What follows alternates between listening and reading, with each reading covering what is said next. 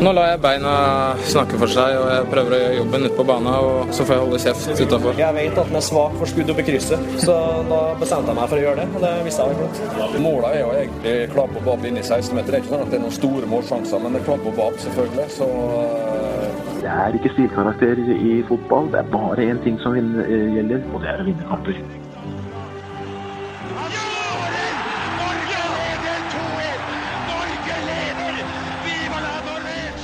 Og der er uh, toppfotball tilbake. Og eh, du er også tilbake, Jørgen. Du var ikke her eh, forrige uke. Og ikke jeg sist, jeg er her nå. Vi var nødt til å finne fram et annet leksikon fra skuffen. Ja, det, er jo, det er jo beærende når Arne Skeie har lyst til å sitte i samme stol. Det er klart, det, det er jo et idol og et fantastisk menneske. Så det må man bli glad av. Ja, ja, ja. Hva syns du om sendinga? Syns du det var ålreit, eller? Jo, meget bra. Jeg syns det, jeg det funka bra, jeg. Så Ja, det, ja. Jeg, jeg må forresten si noe til Jørgen. Hei, Jørgen. Eh, hei, Håvard. Ja, ja, ja, for jeg, jeg, møtte Jeg var på noen TV-opptak. Ja. Så møtte jeg en fyr fra andre produksjonen som, eh, som hører på podkasten vår. Ja. Og som alle, eh, Lasse, Martin, meg, syns det er ålreit. Men Kjernås, han er Han bare Jørgen Kjernås! For en mann! Han kan alt! Han vet alt! Nei. For en Kan dybde! alt. Har ikke, har ikke noe imot oss. Nei. nei, nei. nei. Vi er ålreit. Ja. Men det er én stjerne. Det er bare plass til én stjerne. ja. Åh, det er eh, deilig. Det er deilig å ha deg tilbake, det, Jørgen. Jo, det er trivelig å være her. Ja. Så eh, tenkte nå sitter vi ganske høyt oppe i en bygning, da, i femte etasje. Det Ja. Får vel kanskje vurdere å flytte studio ned i en bunkers et eller annet sted nå etter, etter nattens hendelser eh, over sjøen. Ja, Skal vi la dette bli en politisk sending isteden, kanskje? Ja, vi trenger vel ikke det, Det, var, men det er eh, nesten rart å ikke si noe. Det var Ja. for eh, jeg, jeg, jeg, jeg satt jo oppe i natt. Ja, jeg gjorde det sjøl. Eh, og, du, og du får jo den lille sånn kvalmefornemmelsen når, når du skjønner at det er, at det er, det er kjørt. Det var ikke fordi du var trøtt. Nei, nei, Nei, det var rett og slett eh, at, herregud, nå vinner han. Og det, det uvirkelige Det blir jo en sånn, det blir jo en sånn natt som man aldri glemmer. Mm. For at i, i starten så var jeg sånn Nei, dette tar Hillary. Og det virka sånn, og så bare Så kommer det punktet der du først sier Herregud, det kan bli han. Mm. Og så, sånn i femtida Nei, vi må bare legge oss. Han vinner. Mm. Det er veldig rart, ass. Men så tenkte jeg i dag at uh, det som er viktig nå, når uh, krisen inntreffer internasjonalt, da må vi bare fortsette med vårt. Ja, eh, skuta. Vi må føre skuta Ja, videre. nå er det ekstra viktig. Ja, altså jeg mener Når eh, vi i dag har sett at både Høgmo og andre personligheter fra idrettens verden har uttalt seg om eh, presidentvalget, så er det helt greit at vi bruker to minutter på det. Ja. Uh, og det er bedre det enn at vi sitter her og hører på uh, bare stillhet, uh, sånn som i forrige episode, Martin. Ja. Gikk litt fort i, i klippen der. Ja. Så de folka som satt og klippte forrige episode, de, de, tenkte at det var ålreit med en, et minutts stillhet. De sitter kanskje? i India, de gjør det ikke da? Jo, at vi skal spare- send, ja. sender det til Asia. Ja, ja, det, det er jo veldig fint som, Som journalist så skylder man jo alltid på desken. Ja, eh, ja. Eller hvis det er noe feil, men det, problemet her er vel at programleder og desken er samme menneske, kanskje? ja, problem og problem. Eh, De som har skyld i dette, får gå i seg selv, Ja. tenker jeg vi, tenker jeg vi sier. ja, for det, det forteller vel i hvert fall at vi spiller jo ikke inn helt live. Det er et visst Dette er. Ikke Men er det, direkte, nei. Kommer noen til å få sparken her, eller er det som vanlig i Norge at det er konsekvensløst å gjøre feil? Nei, Det er altså Det er, det er, som- det er det norsk, norsk løsning. det vil komme en evaluering etter årets sesong. Eh, kanskje allerede også etter neste ukes sending så vil det komme en evaluering. Ja, ja, ja. Eh, og så vil vi- ta tar utgangspunkt eh, i, i hva som skjer etter det. Eh, det er umulig å si, men det er mange viktige, mange viktige sendinger fremover også. For vi har ikke noe resultatkrav til oss sånn egentlig. Veldig lite resultatkrav, og det vil eh, kanskje noen reagere på. Mm. Ja, ja, jeg tror det, altså. For at ingen kan jobbe uten resultatkrav. Nei. For da blir det bare tull. Vi får jo ratings, Ja. da. Uh, hva sa du? Vi får ratings Ja, vi, får, ja, ja, eller vi har, ikke, har vi fått noen Nei, denne uken her så har vi ikke fått noen. Nei, Det er skuffende. Vi hadde to forrige uke. Ja. Uh, den ene påpekte at vi snakka litt mye om uh, en klubb jeg er veldig glad i, som heter Vålerenga. Ja. Men jeg syns vi var flinke forrige gang. Det var ikke veldig mye Vålerenga da, altså. Så vi tok eh, vi tar kritikken til oss. ja. Tok oss inn. Ja. Ja. Henta oss bra inn. Ja, det gjorde vi. Eh, Jeg tror ikke det blir så mye Vålerenga i dag heller, faktisk. Nei. Vi kan prøve å begrense det også. Ja, vi får til det. Lasse, uh, gøy å ha deg her også. Det er jo gøy å være her, Ja. som alltid. Og du er, er du skadet etter nattens uh, Hva skal man si? Ja, altså jeg er jo veldig glad i uh, USA, egentlig. Ja. Bodde her et år uh, i sånn Var utvekslingsstudent for en stund siden. Uh, siden. Og um, Hvor da? Hvor da? Hvor da? i Iowa. I Iowa, Des ja. Moines, Iowa. Oi, oi, oi. Så, Ja, så. så- du har egentlig en slags sånn forståelse av folkedypet i Amerika, så du kunne Ja, se dette her. Altså det, de som Ble det en Hillary Var det en Hillary-stat? eller Nei, den Nei, vippa vel over til uh, Donald, ja. Mm. Og den vertsfamilien jeg bodde hos, der har du jo de som da var brødrene mine, da. Mm. Han ene eldstemann der, som er et par år eldre enn meg, han er veldig uh, Trump. Ja. Mm. Og for en stund siden så la jeg ut en sånn liten greie på Facebook hvor, eh, som, som jeg delte, da. Hvor noen hadde sammenlignet Trump med en annen uh, statsleder for mange mange år siden i et land litt sør for Norge. Ja. Mm. Da sletta han meg som venn på Facebook, gitt.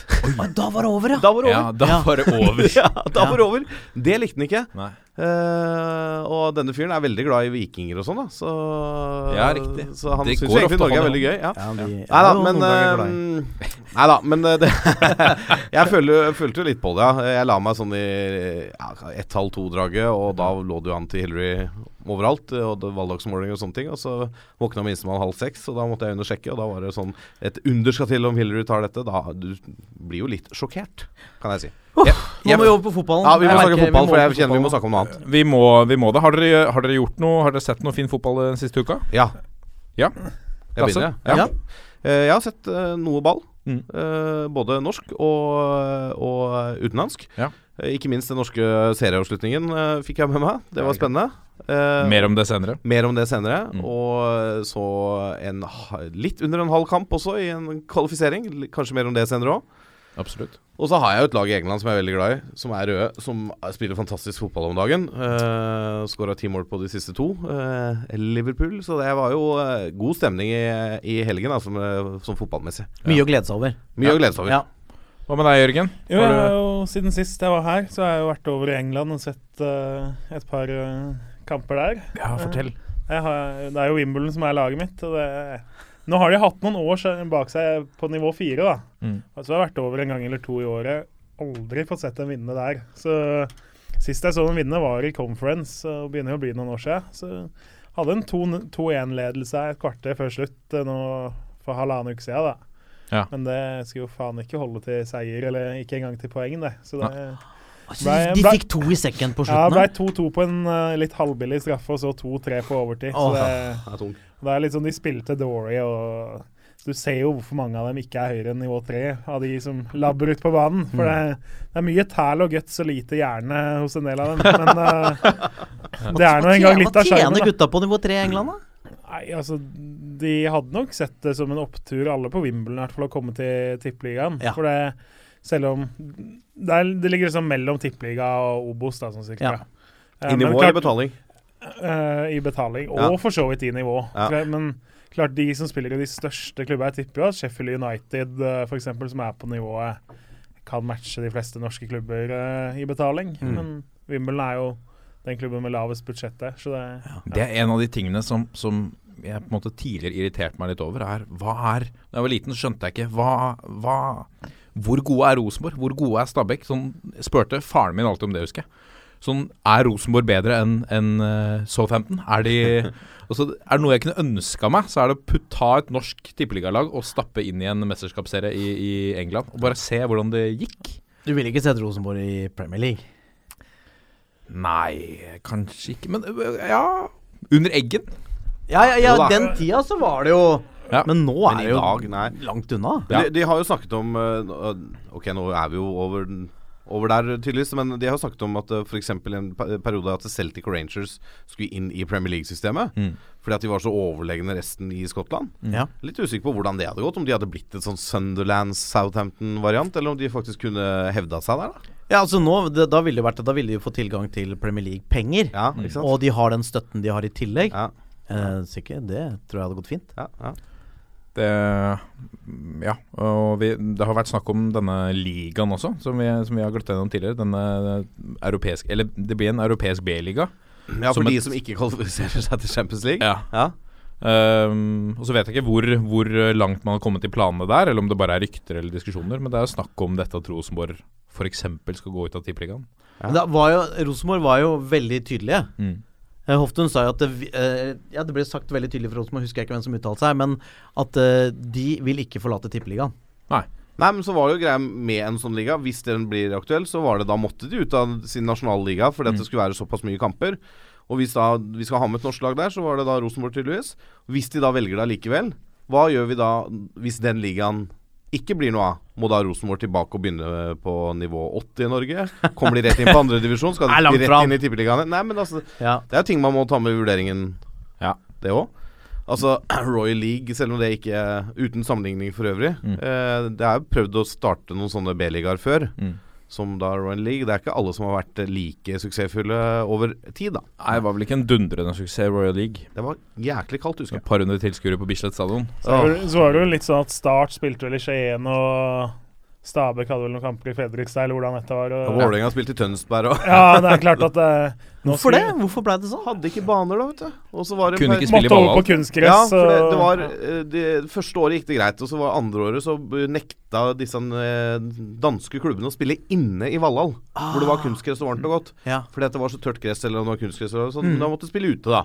Så var eneste ledige ute i november-desember der, da, det var Tønsberg. Åh, jeg har jeg glemt. Det var trist. Ja, det var triste greier, altså. Herregud. Nå kommer pulsen.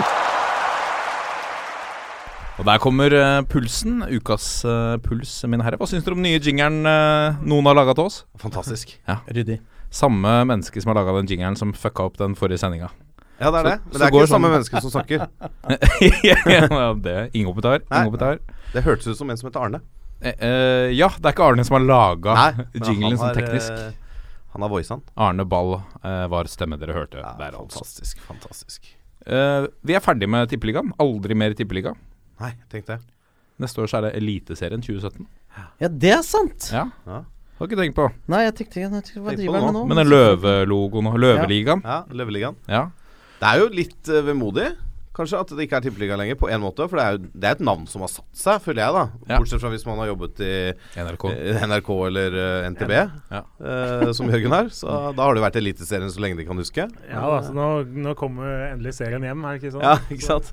Har man lov til å kalle Eliteserien hva man vil? Kunne du liksom Du skal begynne i Nordic Bet. Kunne du kalt det for eh, Nordic Bet-ligaen? Bare sånn på egen hånd? Nei, det, jeg tror ikke sånne ting eh, catcher så fort, kanskje, hos, eh, Nei, hos Hvis folk. bare fant opp at Men det det- ja.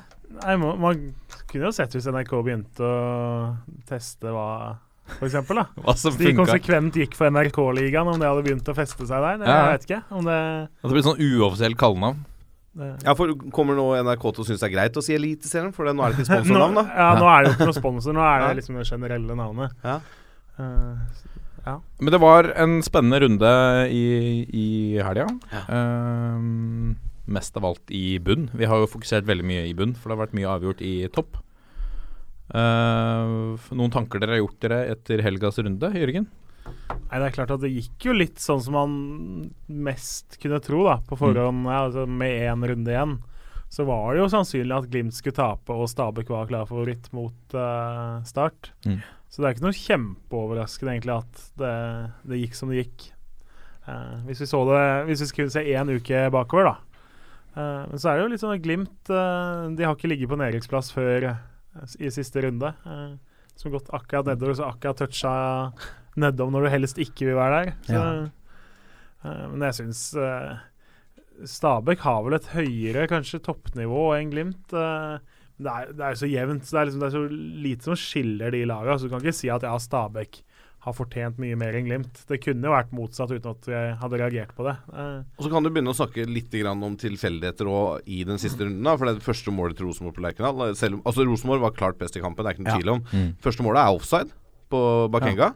Eh, Glimt blir sannsynligvis nytt for et straffespark i første omgang der. Eh, så det kunne tippa en annen vei for Glimt med litt grann flyt eh, i situasjoner, da. Mm. Men jeg også hadde Altså, da jeg satte opp eh, på søndag før kampene begynte, mine resultattips, så bomma jeg egentlig bare på den i Tromsø. Der, jeg trodde alle, det skulle bli hjemmekamp, hjemmeseier alle bortsett fra Tromsø. Der skulle, trodde jeg det ble U. Mm. Men det hadde jo ikke hatt noe å si.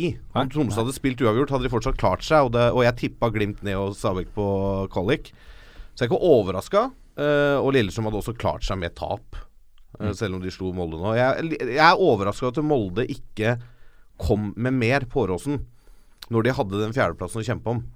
Som Ja. kan gi Europacup hvis Rosenborg vinner cupen. Det er tydelig at det der å kjempe om fjerdeplass ikke er nok Ja, for så- mange lag i forhold til Nei, hva ja. de liksom legger igjen. Nei, altså, Eh, hadde Godset skåra ett mål til, så hadde de tatt fjerdeplassen. Ja, Mm. men, eh, og de produserte jo sjanser og Ja. Men eh, Ja, men så har vi alltid slitt i Haugesund. Altså det, Det Mange sliter der. Et, et vanlig Altså Hadde det vært en vanlig bortekamp for SIF å klare Å klare U i, i Haugesund, ville vært, ville vært mer enn bra nok. Mm, Men uh, nå blei det På en eller annen måte tenker jeg at det er Det er fint for SIF å begynne litt på nytt nå. Ja Det kan jo virke som kanskje de gjør det på Åråsen òg. Altså, de så jo veldig fortapt ut eh, på Åråsen en periode der, til eh, Arne Erlandsen kom. Uh, og har på en måte tre seire, to uavgjort, en tap på de seks kampene han har leda laget. Fått litt mer struktur i det og blitt litt mer det Lillestrøm vi som har vært med noen år, husker, da. Ja. Dødballsterke, kontringssterke, og kompakte defensivt. Ja. Vanskelig å møte, vondt å møte. Eh, så blir det spennende å se om han fortsetter, da. Det er jo det med Erlandsen, at det har jo ofte blitt problemer i klubber der han har vært lenge. I, forhold til, uh, I forhold til spillergruppe og sånn. Ja. Så det er spennende å se om han klarer liksom samle å samle troppene på, på Åråsen til å spille god, eh, gammeldags eh, LSK-fotball. Ja, ja. Og om han klarer å, å også holde spillergruppen eh, ja, på en eller annen måte fornøyd. da At, Ja. at, de, at de er villige til å jobbe hardt for han også, også på lang sikt. Ja, Lillestrøm har jo, sånn som eh, Jeg snakka litt med Ivar Hoff etter eh, matchen, for jeg var og dekka den for, for Nettavisen. Lillestrøm-Molde. Uh, og han var eh, Han sto fortsatt på det. At eh, hadde ikke Lillestrøm solgt Fred Friday i, uh, i sommer, var det før sommeren, Ja. Han fikk Så- 14 kamper. ja, så kunne, mente han helt ærlig at de kunne snus på medalje. Ja, men de så jo ut som det. Ja. Inntil Fred Friday ble solgt, så så Lillesøm ut som et lag som skulle kjempe om e-cup. Mm. De var der oppe og lukta, de vant viktige kamper, de var litt i dytten. Så snudde det så voldsomt etter han ble borte. Og Mm. det, kan jo ikke bare være at du mister én spiller. Altså, du har- åpenbart en. X-faktor-spiller. Selvfølgelig, men du har en Lundemo som har vært mye skada, som var viktig i fjor, blant annet. Eh, men allikevel, de har hatt en veldig sånn berg-og-dal-banesesong, og det ender da med at de er kjempefornøyd Mm. med å klare seg. Og de har vært egentlig oppe og snus på kanskje kunne spille e-cup, da. Ja. Altså, hvis du så Altså, det var jo flere aviskommentatorer som meldte det, at dette Lillestrøm-laget ser solide ut. De kan være med å kjempe hele tiden. Om, om Men de kommer jo aldri til å klare det hvis de hver eneste gang selger de spillerne som gjør det bra, midt i sesongen. Og Det er ikke første gangen de gjør det. De har holdt på sånn i mange år. ja, ja. Som er jo kanskje grunnen til at de aldri tar det siste steget. da Fordi at de er nødt til å pisse i buksa for å holde varmen. Men er det ikke alltid økonomisk krise? Jo. En annen konstant økonomisk Ja, det virker litt sånn. og det- Kutteklubben, som eh, Kippe kaller det. Ja. Men det er jo sånn Det er, det er forskjellen på Lillestrøm og f.eks. Rosenborg, da, som fortjener all mulig skryt for den sesongen de har gjennomført, selv om det bare ble én seier på de fire siste. Uh, de F.eks. i fjor, da, så henter de en Anders Konradsen i sommervinduet. Lar han spille litt og spille seg litt inn, for det, da er jo Selnes der fortsatt. Og så går Selnes etter sesongen. Da har de erstatteren klar i egne rekker allerede. Mm. De har muligheten til å gjøre de grepa. Mens Lillestrøm da selger Fred Friday midt i sesongen og har ingen til å ta over. De har ikke noe backup. De henter, altså de henter Malert og Malek og Gary Martin. spillertype. Helt annen spillertype. For all altså, del en, ja, ja. en bauta, men det er jo ikke det de Det, det er ikke Fred Friday. Nei. Og de, de, de er ikke like godt forberedt, virker det. Men det er sikkert økonomisk, eh, økonomisk det òg, da. Ja. De. Og det er litt synd at når man, når man endelig begynner å få til ting, så er de nødt til å, til å selge de.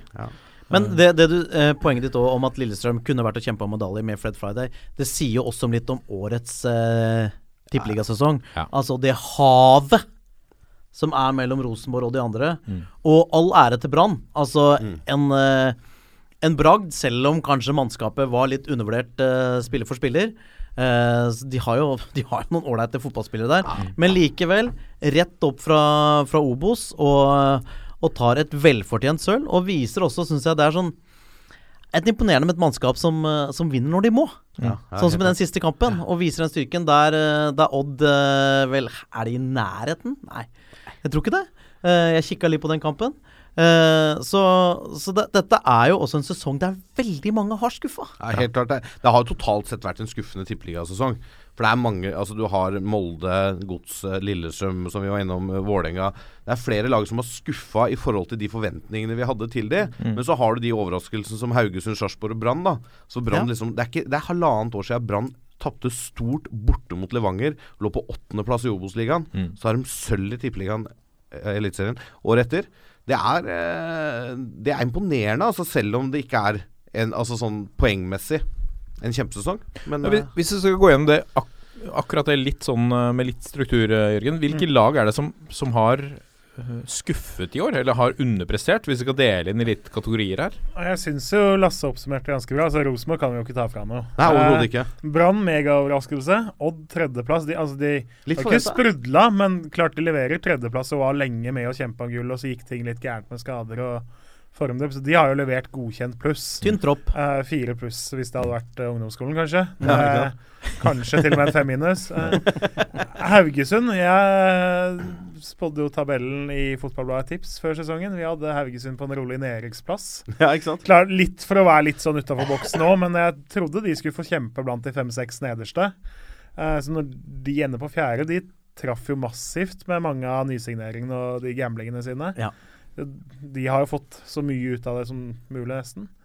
Molde ender da rolige 24 poeng bak Rosenborg. og De var jo oddsmessig og blant eksperter så var jo det spådd at de skulle kjempe hele veien inn. De var jevngode blant eksperter på oddsen.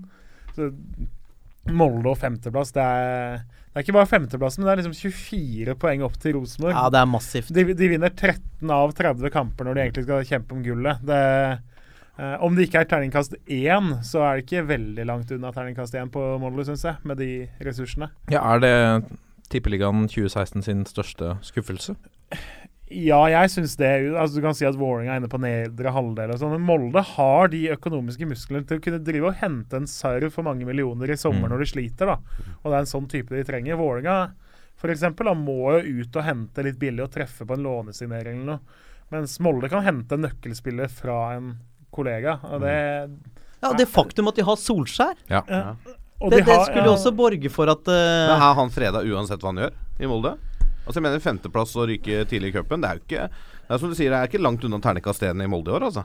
Det blir spennende å se. Nå er jo Dempsey ferdig i Sverige, og Ekspressen mente i hvert fall at han kunne være på vei tilbake. Det- Ja, Som assistent, eller? som assistent, at Solskjær blir litt sånn manageraktig Ja. igjen. Det, Da kan det gå. Det virker jo mer og mer som at de her gutta han hadde med i periode én, var viktigere enn man kanskje trodde. At Mm. Ja. personen Det har jo veldig lett forbi sånn journalistisk at OK, nå kommer det kommer Wonderboyen tilbake, og det, man får suksess, og så uh, tenker man at alt faller på han, da. Men han hadde jo et apparat rundt seg òg som så klart gjør den usynlige jobben og har gjort den veldig bra. Og da har jeg lyst til å bruke et annet eksempel på en eh, overgang og en sparking i sommer som vi kritiserte litt. For det ÅFK har funnet på i høst, ja. det er Ja. meget imponerende. Det er eh, helt vanvittig, De faktisk. gikk jo da til skrittet å sparke hjelpetrener Karl Oskar Fjørtoft og henta inn han derre nederlenderen Jord, Ja. ikke det heter? Og har jo da avslutta sesongen med like høyt poengsnitt som gullvinner Rosenborg. Og så hører jeg vel kanskje litt med, hvis vi skal fortsette nå, så gikk, fikk jo Fjørtoft en liten fot innafor i Hødd. Og det er klart at De vant ikke en kamp etter han tok over der. de, de havna jo ned et nivå fra Det er litt synd på Fjørtoft.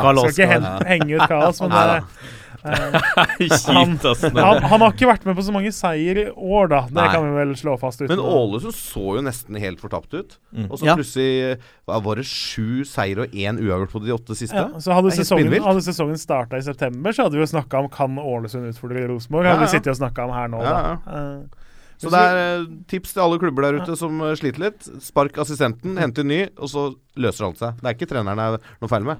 Og så, sender du assistenten til de irriterende lillebrødrene dine litt uh, vestover. Ja, ja. Det, det er viktig.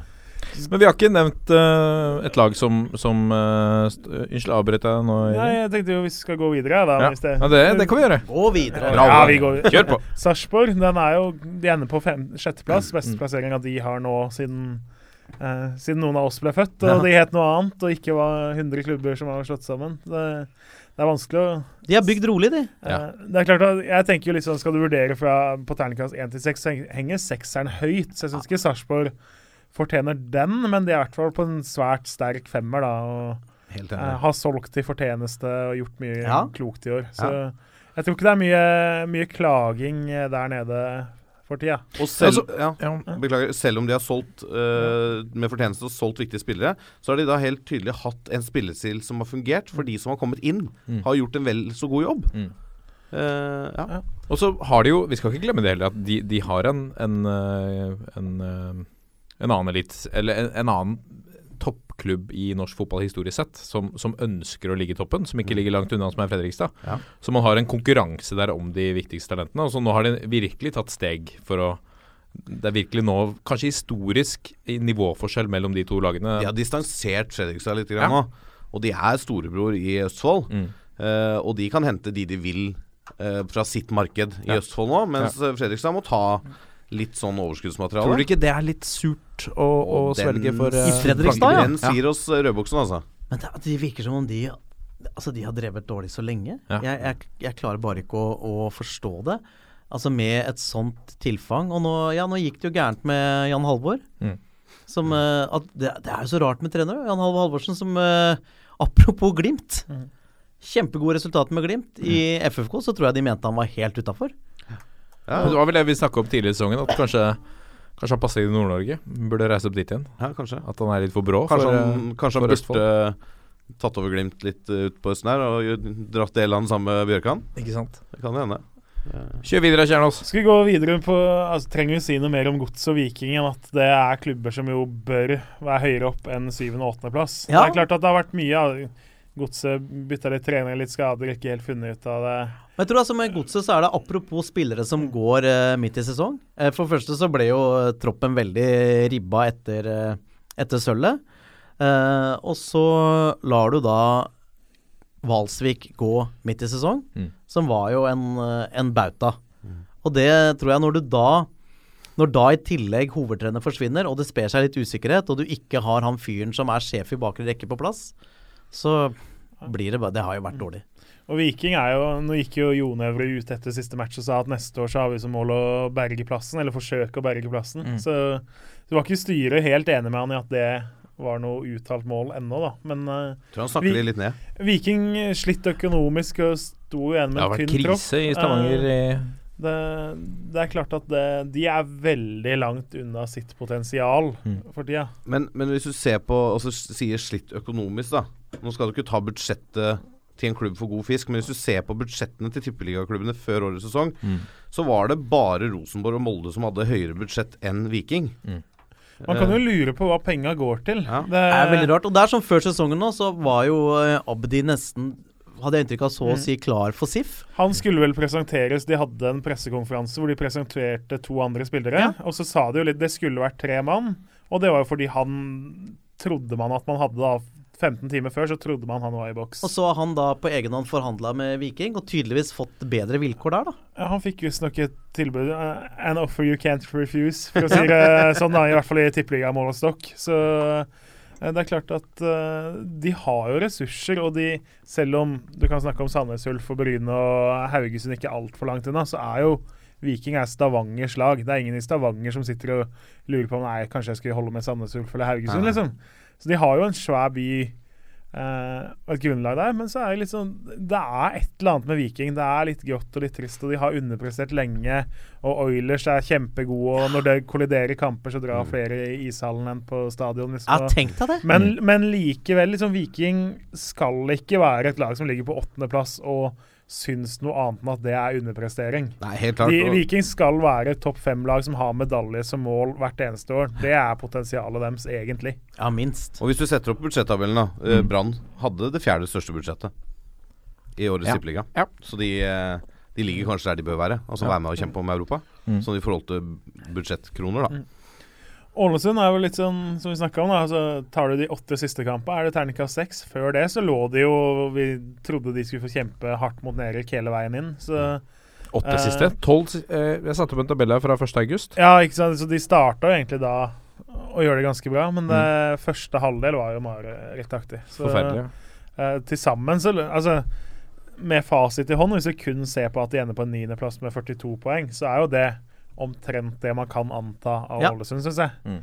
Vålerenga tiende, de har jo underprestert, selv om eh, potensialet også der er mye større enn hva man faktisk viser med budsjettet og Mm. hva man kan hente av spillere. Så klart at Oslos eneste toppklubb skal ikke ligge på tiendeplass. Så det Ja, men, Eh. ja det er jeg enig i. Liksom det er sånn Når den mest meritterte spilleren de henta i sommervinduet, da det var Henrik Kjelsrud Johansen fra Odd, som hadde da null tippeligaskåringer. Mm.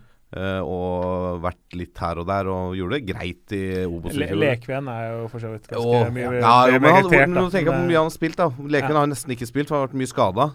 Uh, Men Lekven var jo litt sånn Det var en, det var en signering som han utenfra tenkte Å ja, det er solid, solid signering. Jeg beklager, den glemte jeg faktisk. Ja. For Det er rett og slett fordi han har spilt så lite. Ja. Men det, jeg, jeg tenkte jo uansett Lekven er litt sånn med tanke på For det, han ble jo signert rett etter Deila kom. Mm. Eller blei presentert, og da tenkte jeg det er en sånn spiller som eh, Deila skal bygge laget, midtbanen sin rundt. da Mm. Det bør han jo være. Og, men hva, hva må, hva må Vålerenga klare neste år, da? For at det skal være godkjent? Med Deila som har en hel preseason, preseason unnskyld, pluss, pluss. Og Ja.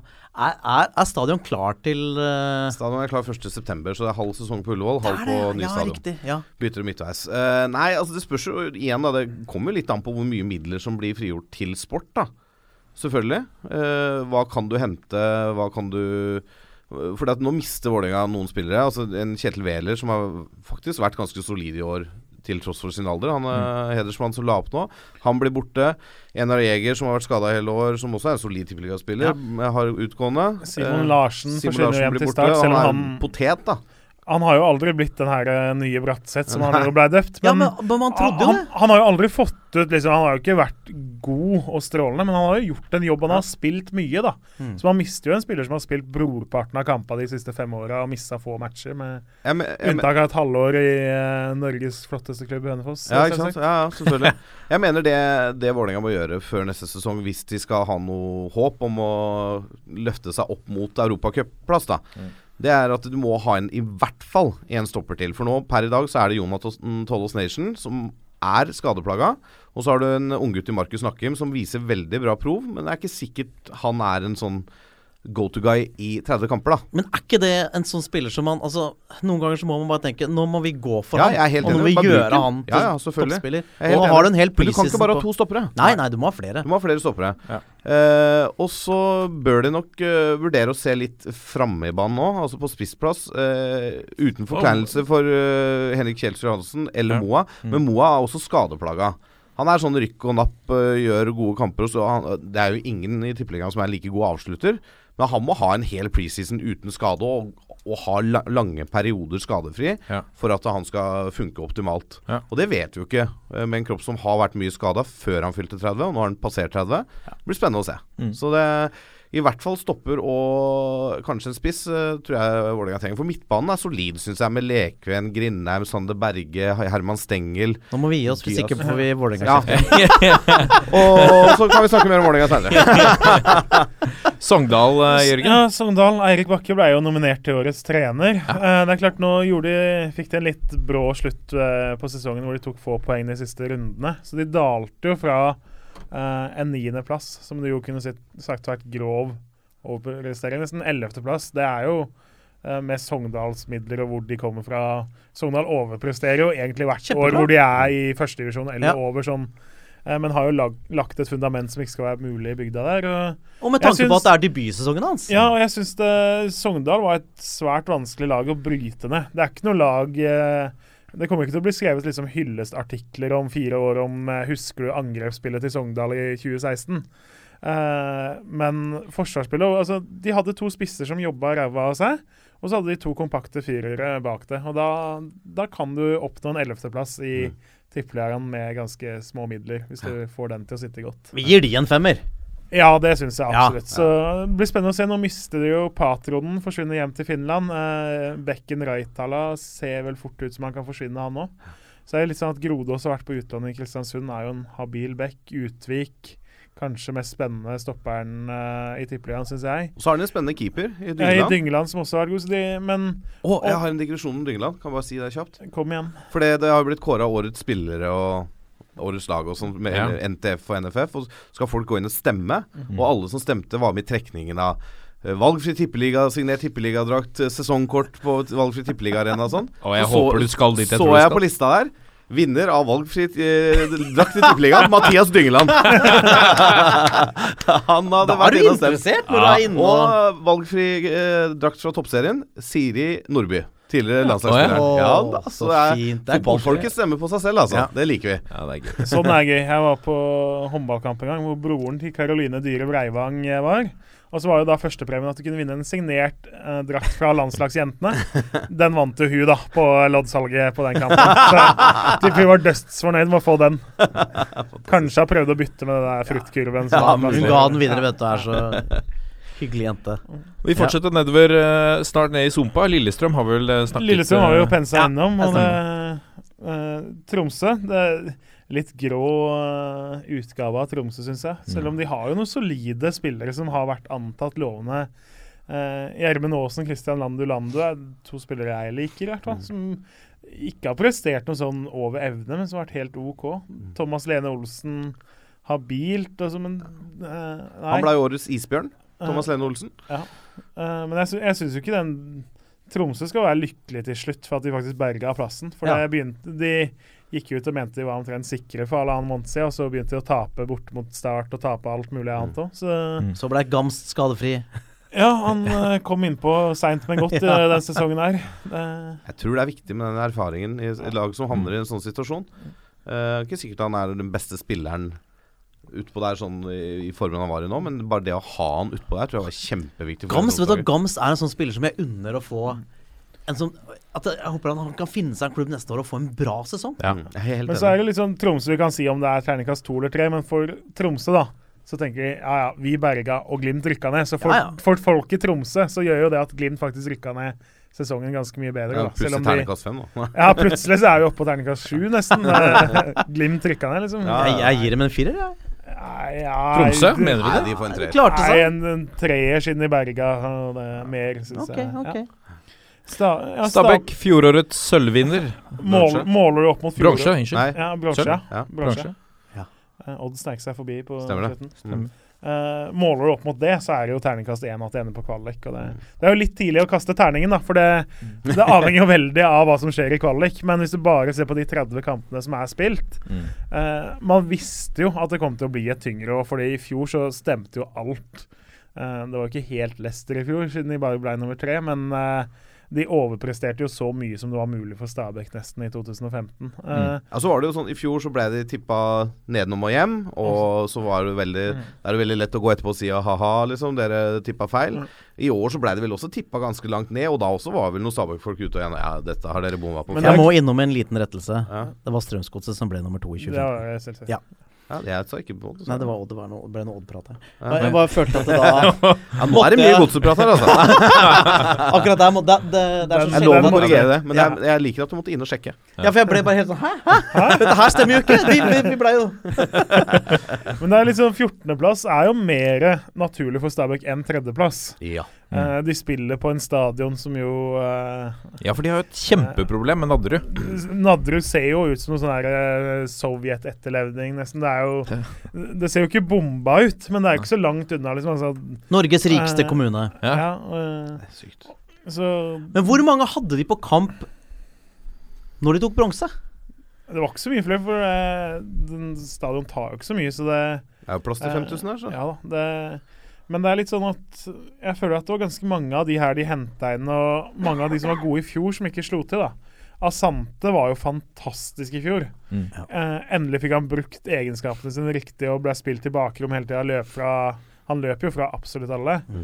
Eh, I år så ble det litt mye sånn trilling på, ba på fot isteden. Og litt stasjonært uh, offensivt. Ja, det jeg Eh, har sett, så bruker de han helt feil. ja, ja han, han kom ikke til sin rett sånn som ja. de spilte i år, og da er han en svært begrensa fotballspiller. Ja. Uh, yes, men det, det, det forstår jeg ikke når du, når du Av de kampene jeg har sett Ja. De gangene de slår på han i rom foran han, så beiner han jo forbi alle. Og så forstår de ikke at det må man gjøre gang på gang, for da er de igjennom. man skulle jo tenke de spiller han dårlig. må, du må jo ha et, et mer komplett overgangsspill. Hvis, hvis du skal Ja. få de eh, mulighetene til å spille den i rom. Ja. Og det var jo det Bradley gjorde. Altså, han, de hadde jo et helt rått overgangsspill Ja. under Bradley. Ja. Og det har jo selvfølgelig med alt som skjer forut òg. Mm. Du men kan det, ikke bare trille på midten og så spille rom, for da Ja. er jo de andre i balanse. det er, to, Da det er todelt der. Én er det at uh, ja, spill i det rommet så han kan beine etter ballen. Men det andre er hva gjør han? Hvilke valg gjør han? For det, det er jo ikke første gang man har sett at uh, lynkjappe spillere velger å tro at de plutselig skal være sånn best møtende og, og ballspillere og skal ha ballen i beina og sånne ting. Altså Han må bare beina. han. Da er han best. Komme seg bak og komme seg rundt. Og så må folk komme i boks. Ja, Ja, ja. selvfølgelig. selvfølgelig Men hvis han da velger å ikke ta alle de løpa som han kanskje gjorde i fjor, da. så er det vanskelig å spille i bakrom på en gang på gang òg, da. Mm. Han, altså, så hadde de jo Dio òg. Ja, Ja, lenge. ja. Men, eh, De hadde jo det er lenge. klart at Memeti har jo vært en uh, megaskuffelse på topp. Ja. OI har ikke vist mer enn glimtvis, han heller. Uh, Allan Sidney har skåret et fantastisk mål i siste kamp, her, men bortsett fra det har jo ikke han gjort noe i høst, egentlig. Nei, nei. Det- så jeg er litt redd redda de to grepene som jeg tror redda dem fra direkte nedrykk. Altså Keita inn, som har vært litt den matchvinneren de har savna når alle andre som vi har nevnt nå, har svikta. Eh, Og så flytta de Meling opp fra Beck, hvor han jo Han er kanskje den beste bekken i tippeligaen, syns jeg. Eh, I hvert fall på venstresida, da. Svensson er så klart bedre. Men uh, han er såpass fotballklok at han funker godt på midten òg. Selv om han er en enda bedre back isolert sett, så var han enda mer nyttig for Stabæk å ha på midten. da. Ja. Uh, så de to små grepa tror jeg redda dem fra at ikke de og Glimt hadde bytta plass. Mm. Ja. Uh, Så er vi på nedrykk. så er vi på nedrykk. Det er Bodø-Glimt. Ja, Bodø-Glimt henta jo fire mann vel på overgangsvinduets uh, siste dag i sommer. det Desperasjonen var jo litt tydelig der. Uh, Med begrensa suksess, kan vi si det? Ja, jo, tre av dem har jo spilt eh, Eller egentlig alle fire har jo spilt en del. Men eh, eh, de har ikke heva laget noe særlig, og de eh, de har hatt det mest naive forsvarsspillet kanskje mer enn Start til tider òg, faktisk. Selv om det er, det er tøff konkurranse å slå Start i naivt og tåpelig forsvarsspill. Så Uh, har det vært noen bekker der som har sett ut som sånn derre Nå har vi trukket uh, en hjemmedrakt på forrige kamp, og han som vant den drakta, får lov til å starte som bekk i dagens kamp. Det, Det var ikke pent sagt. Nei, men eh, tidvis har det sett ut sånn på de bekka, og også på stoppeplass. Og de har ikke hengt sammen lagdelen heller, syns jeg, Nei. i det defensive. Det, er Hva skjer med Bjørkan, da? Det blir spennende å se, men det, jeg tror Glimt har tatt høyde for at de skulle være nedi der. Ja. Men uh, som sagt, de har, i motsetning til f.eks. Sogndal, da. Sogndal har vært ekstremt strukturert og godt organisert. Så har bare Glimt ikke sett ut som de har hatt noe defensiv plan. Offensivt så er de jo stort sett giftige og skumle. Asemi har vært bra på topp. Trond Olsen har vært skuffende, men er jo med farta og kontringsstyrken alltid en trussel. Altså, de her unggutta på midten, Nordmann, har jo tidvis vært veldig bra. Eh, Patrick Berg har vist tidvis, men uh, i sum liksom så har ikke Glimt sett nok ut som et lag, og det er det som feller dem. Og så har de jo De har jo gått ned noen hakk på kvalitet på keeperplassen nå. Ja, det er klart at Både han er ukraineren og Simon Thomas har uh, gjort mye rart. Ja, det har vel ikke vært på det nivået de hadde i fjor, da. Nei, I fjor så hadde de en landslagskeeper Eller nå Ikke i fjor, men i vår så hadde de jo Hannes uh, Haldersson, Ja. som Mm. eh, jo var god. Og i, i høst så Ja. Eh, Det er klart at de har tatt mange poeng på at ikke han spilte Helt. hele året for dem. Helt klart. Så må vi ta med oss eh, Start også, som er jo totalt akterutseilt. To Ja, seire de- i hele 2016. De Og de jo- kom etter de var sikra. Ja. Ja, de Ja. fikk jo en liten opptur her eh, etter at nedrykket liksom endelig var sikra. Det så ut som de turte litt å slippe opp da, men eh, de har gjort så mye rare ting bakover i mange år at eh, det er merkelig man ikke har tenkt liksom Nå må vi skjerpe det forsvarsspillet, for Start har jo lekket i eh, mange sesonger nå. Men det her har vel vært en forventa katastrofe. Ja. da, De skulle jo rykke ned i 2015. Ja, de, skulle, de, de vant jo ikke en kamp siden juli i fjor. Nei. Eh, Det er bare et under at de holdt seg i fjor. Har de ikke satt en eller annen europarekord, da? Ja.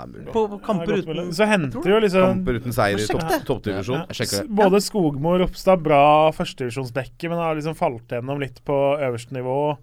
Eh, Vikstøl, som skulle være kaptein og leder bak, har tidvis vært benka og litt skada og litt svak. Liksom den deilige kombinasjonen eh, Ja, og har levd opp til kallenavnet sitt Røde Rolf Ja, i nei, tillegg. Så.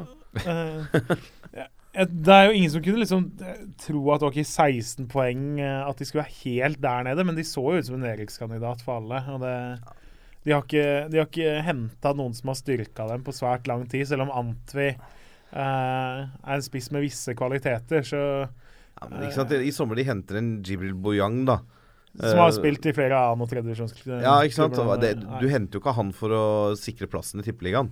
Men de har jo ikke mulighet til å hente Nei, han, har det de? helt sikkert ikke. Men jeg, jeg, altså det, det der var vel den sikreste Bortsett fra å tippe Rosenborg som serievinner, så var vel det det sikreste tipset før sesongen, var at Start kom til å rykke ned. Ja, nesten. Selv om jeg lurer på faktisk blant annet altså, Sogndal var vel fort eh, på omtrent samme nedrykksoddsen, tror jeg, hvis vi ser så langt tilbake. Nå Ja. har det jo litt klart Simon Larsen kommer tilbake. Det blir spennende å se han på nivå to igjen. Henta Ja. Thomas eh, Sernikov fra nabo Vindbjart. Altså, Mm. De har liksom litt De har jo kunnet planlegge for 2017 ganske lenge, da. Hvis man, hvis man kan finne noe positivt med sesongen, så har de eh, De var jo i hvert fall nesten egentlig smarte nok til å ikke hente masse sånn rask fra Øst-Europa eller fra agenter som lover den nye Messi. og sånn, eh, sånn som Glimt gjorde og handla litt i panikk. Start har i hvert fall skjønt hvor det har gått hen. Ja. De satte denne europeiske marerittrekorden i uh, juli. Ja.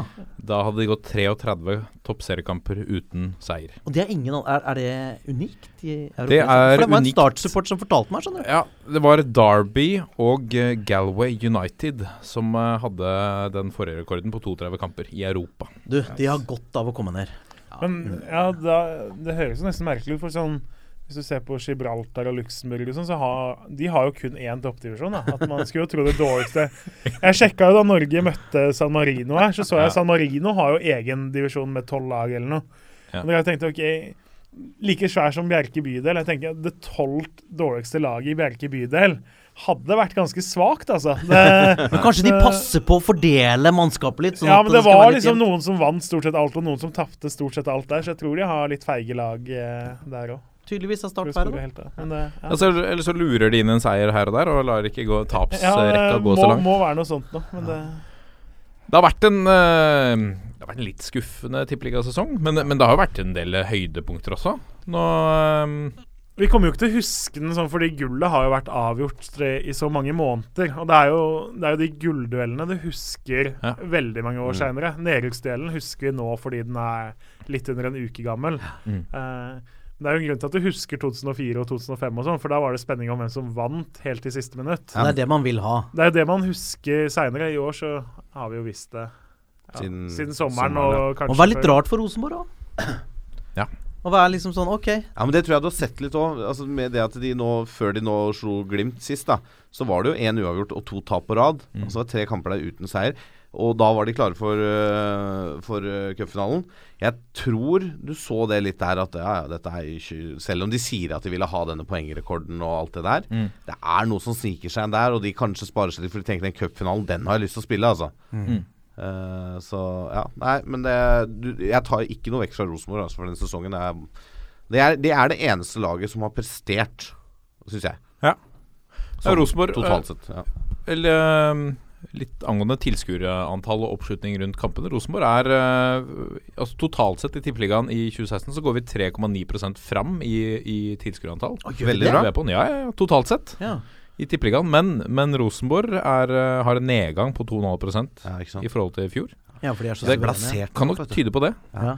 Men så må du også tenke deg de, de, de 3,9 prosentene. Mm. Du har f.eks. bytta ut en, et Mjøndalen med et Brann, selv om ikke Brann har hatt Ja, blendende selvfølgelig, tilskuertall i Bergen til tross for eh, resultatene. Så har, der kommer jo rundt 10 000 på hver Brannkamp. Mm. Så det, det har nok litt å si. Bodø, Glimt og Tromsø har hatt en økning på 15 og 11 i, eh, i år kontra i fjor. Det er også ganske imponerende med Ja. tanke på at de sliter her nede. Men det er kanskje nettopp derfor da, at det er spennende i bunn. Spenning, ja. ja. At det ikke er en middelhavsfarer. Ja. Eh, men jeg har lyst til å bare å, å nevne på slutten Nå også er vi jo uh, ikke bare ferdig med Tippeligaen, men også uh, TV2s æra med, med toppdivisjonen er jo over for denne gang. Nå er det Discovery som, som tar over, med Max og TV Norge og Eurosport og disse kanalene.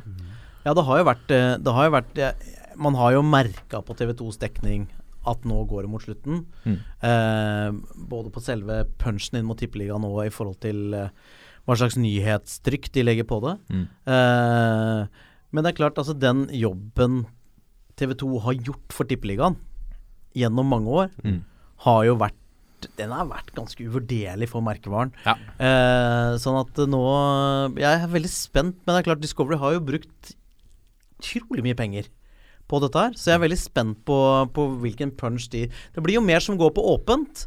Eh, hva, hva er fire kamper Ja, nå i skal de ha uka? fire, og den store forskjellen fra sånn det har vært de siste åra, er jo at de antatt beste kampene hver runde skal gå på gratiskanaler du ikke Mm. trenger å betale en ekstra for. Og dette er Nå, så ha- viktig! Ikke sant? Nå har jo Vålerenga, Lillestrøm, Rosenborg, Molde De kampene har jo vært gjemt bort på kanaler du må betale ekstra for å ha. Mm. Uh, og man skjønner jo OK, TV2s forklaring, men det er jo synd for produktet Tippeligaen Eh, at de kampene får ikke alle sett. Det, Gunda på Toten må betale 299 ekstra i måneden for å se de kampene. Liksom, Nå kan alle se de store oppgjørene. Ja. Så jeg tror at det gir litt mer hype, i hvert fall. Jeg, Og det, og det er så viktig positivt. at vi har, vi har Premier League bak betalingsmur uh, og, Champions og League. Champions League. Norsk fotball det må mye være Dette er jo en kjepphest, dette har vi snakka mye om. Ja. Det må være åpent. Vi trenger tilhørighet. Ja, ja. Enda mer enn kvalitet for å kunne bygge norsk fotball igjen. For å var- få kvaliteten på sikt. Vi var så vidt innom det sist òg. Det at det, trøkket som TV 2 la på, da, spesielt på midten av 2000-tallet, Mm. det bidro til å øke interessen rundt norsk fotball. Ja. Eh, og det blir spennende å se om Discovery klarer å gjenskape det, på en måte. da For det er jo på en måte Det er gjort før.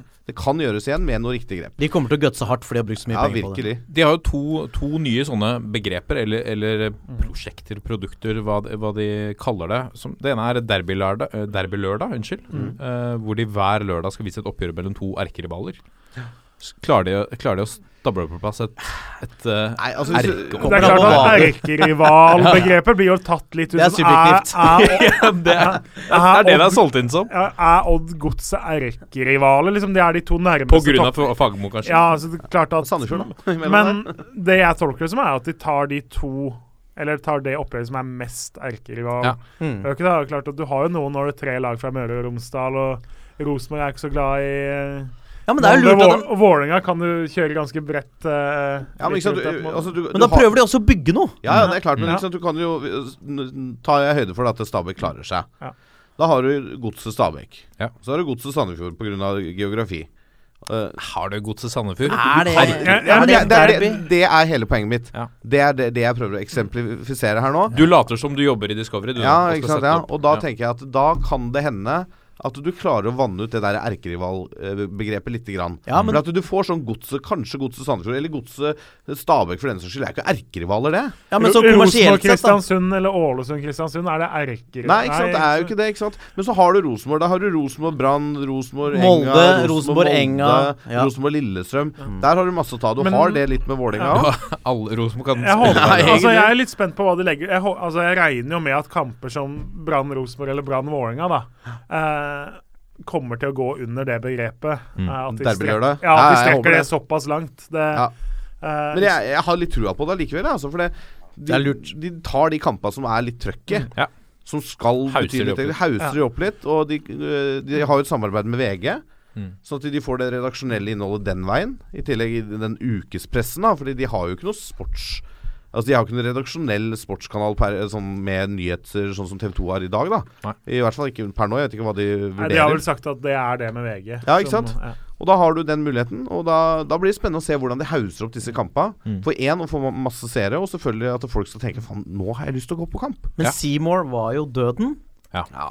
Og nå kan vi få noe bedre. Ja, men, ja, ja, virkelig. Og nå øh, Altså, de, øh, Discovery har faktisk øh, Jeg mener de har, Men de har Seymour lagde jo bra trøkk ofte på Ja, kampene. Ja, Det var bare det at eh, De ble jo ikke sett. Det var jo Nei, det var for Det er jo det du sier med TV 2 og litt dekninga nå. Det er klart at Helt siden Seymour fikk det, så har jo ikke TV 2 prioritert Tippeligaen like høyt. Nei, og så fikk de liksom restene fra Seymour. ja, fikk jo restekampene. Ja, men jeg syns fortsatt at det har vært litt sånn Det har ikke kommet opp på samme nivå Nei, de siste to åra.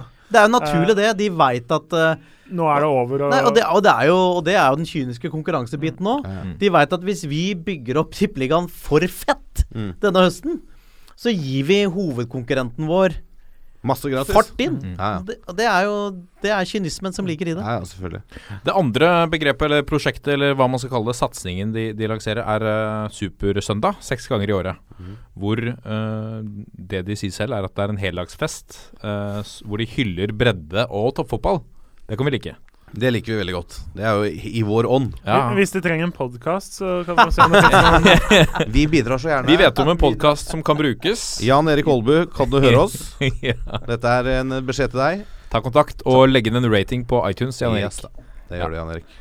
Nei, men det, er, det er spennende å få litt fokus der, for det er, eh, det er på tide at det er flere andre enn oss som oppdager at det er litt spenning ute i, i bredden. Ja, helt, helt klart. Men, og jeg liker tankene deres. Jeg liker at de De har lyst til å prøve. Altså, Ja. de, de virker genuint interessert at det her skal vi få til. Mm. Sammen med Fotballforbundet, sammen med klubbene.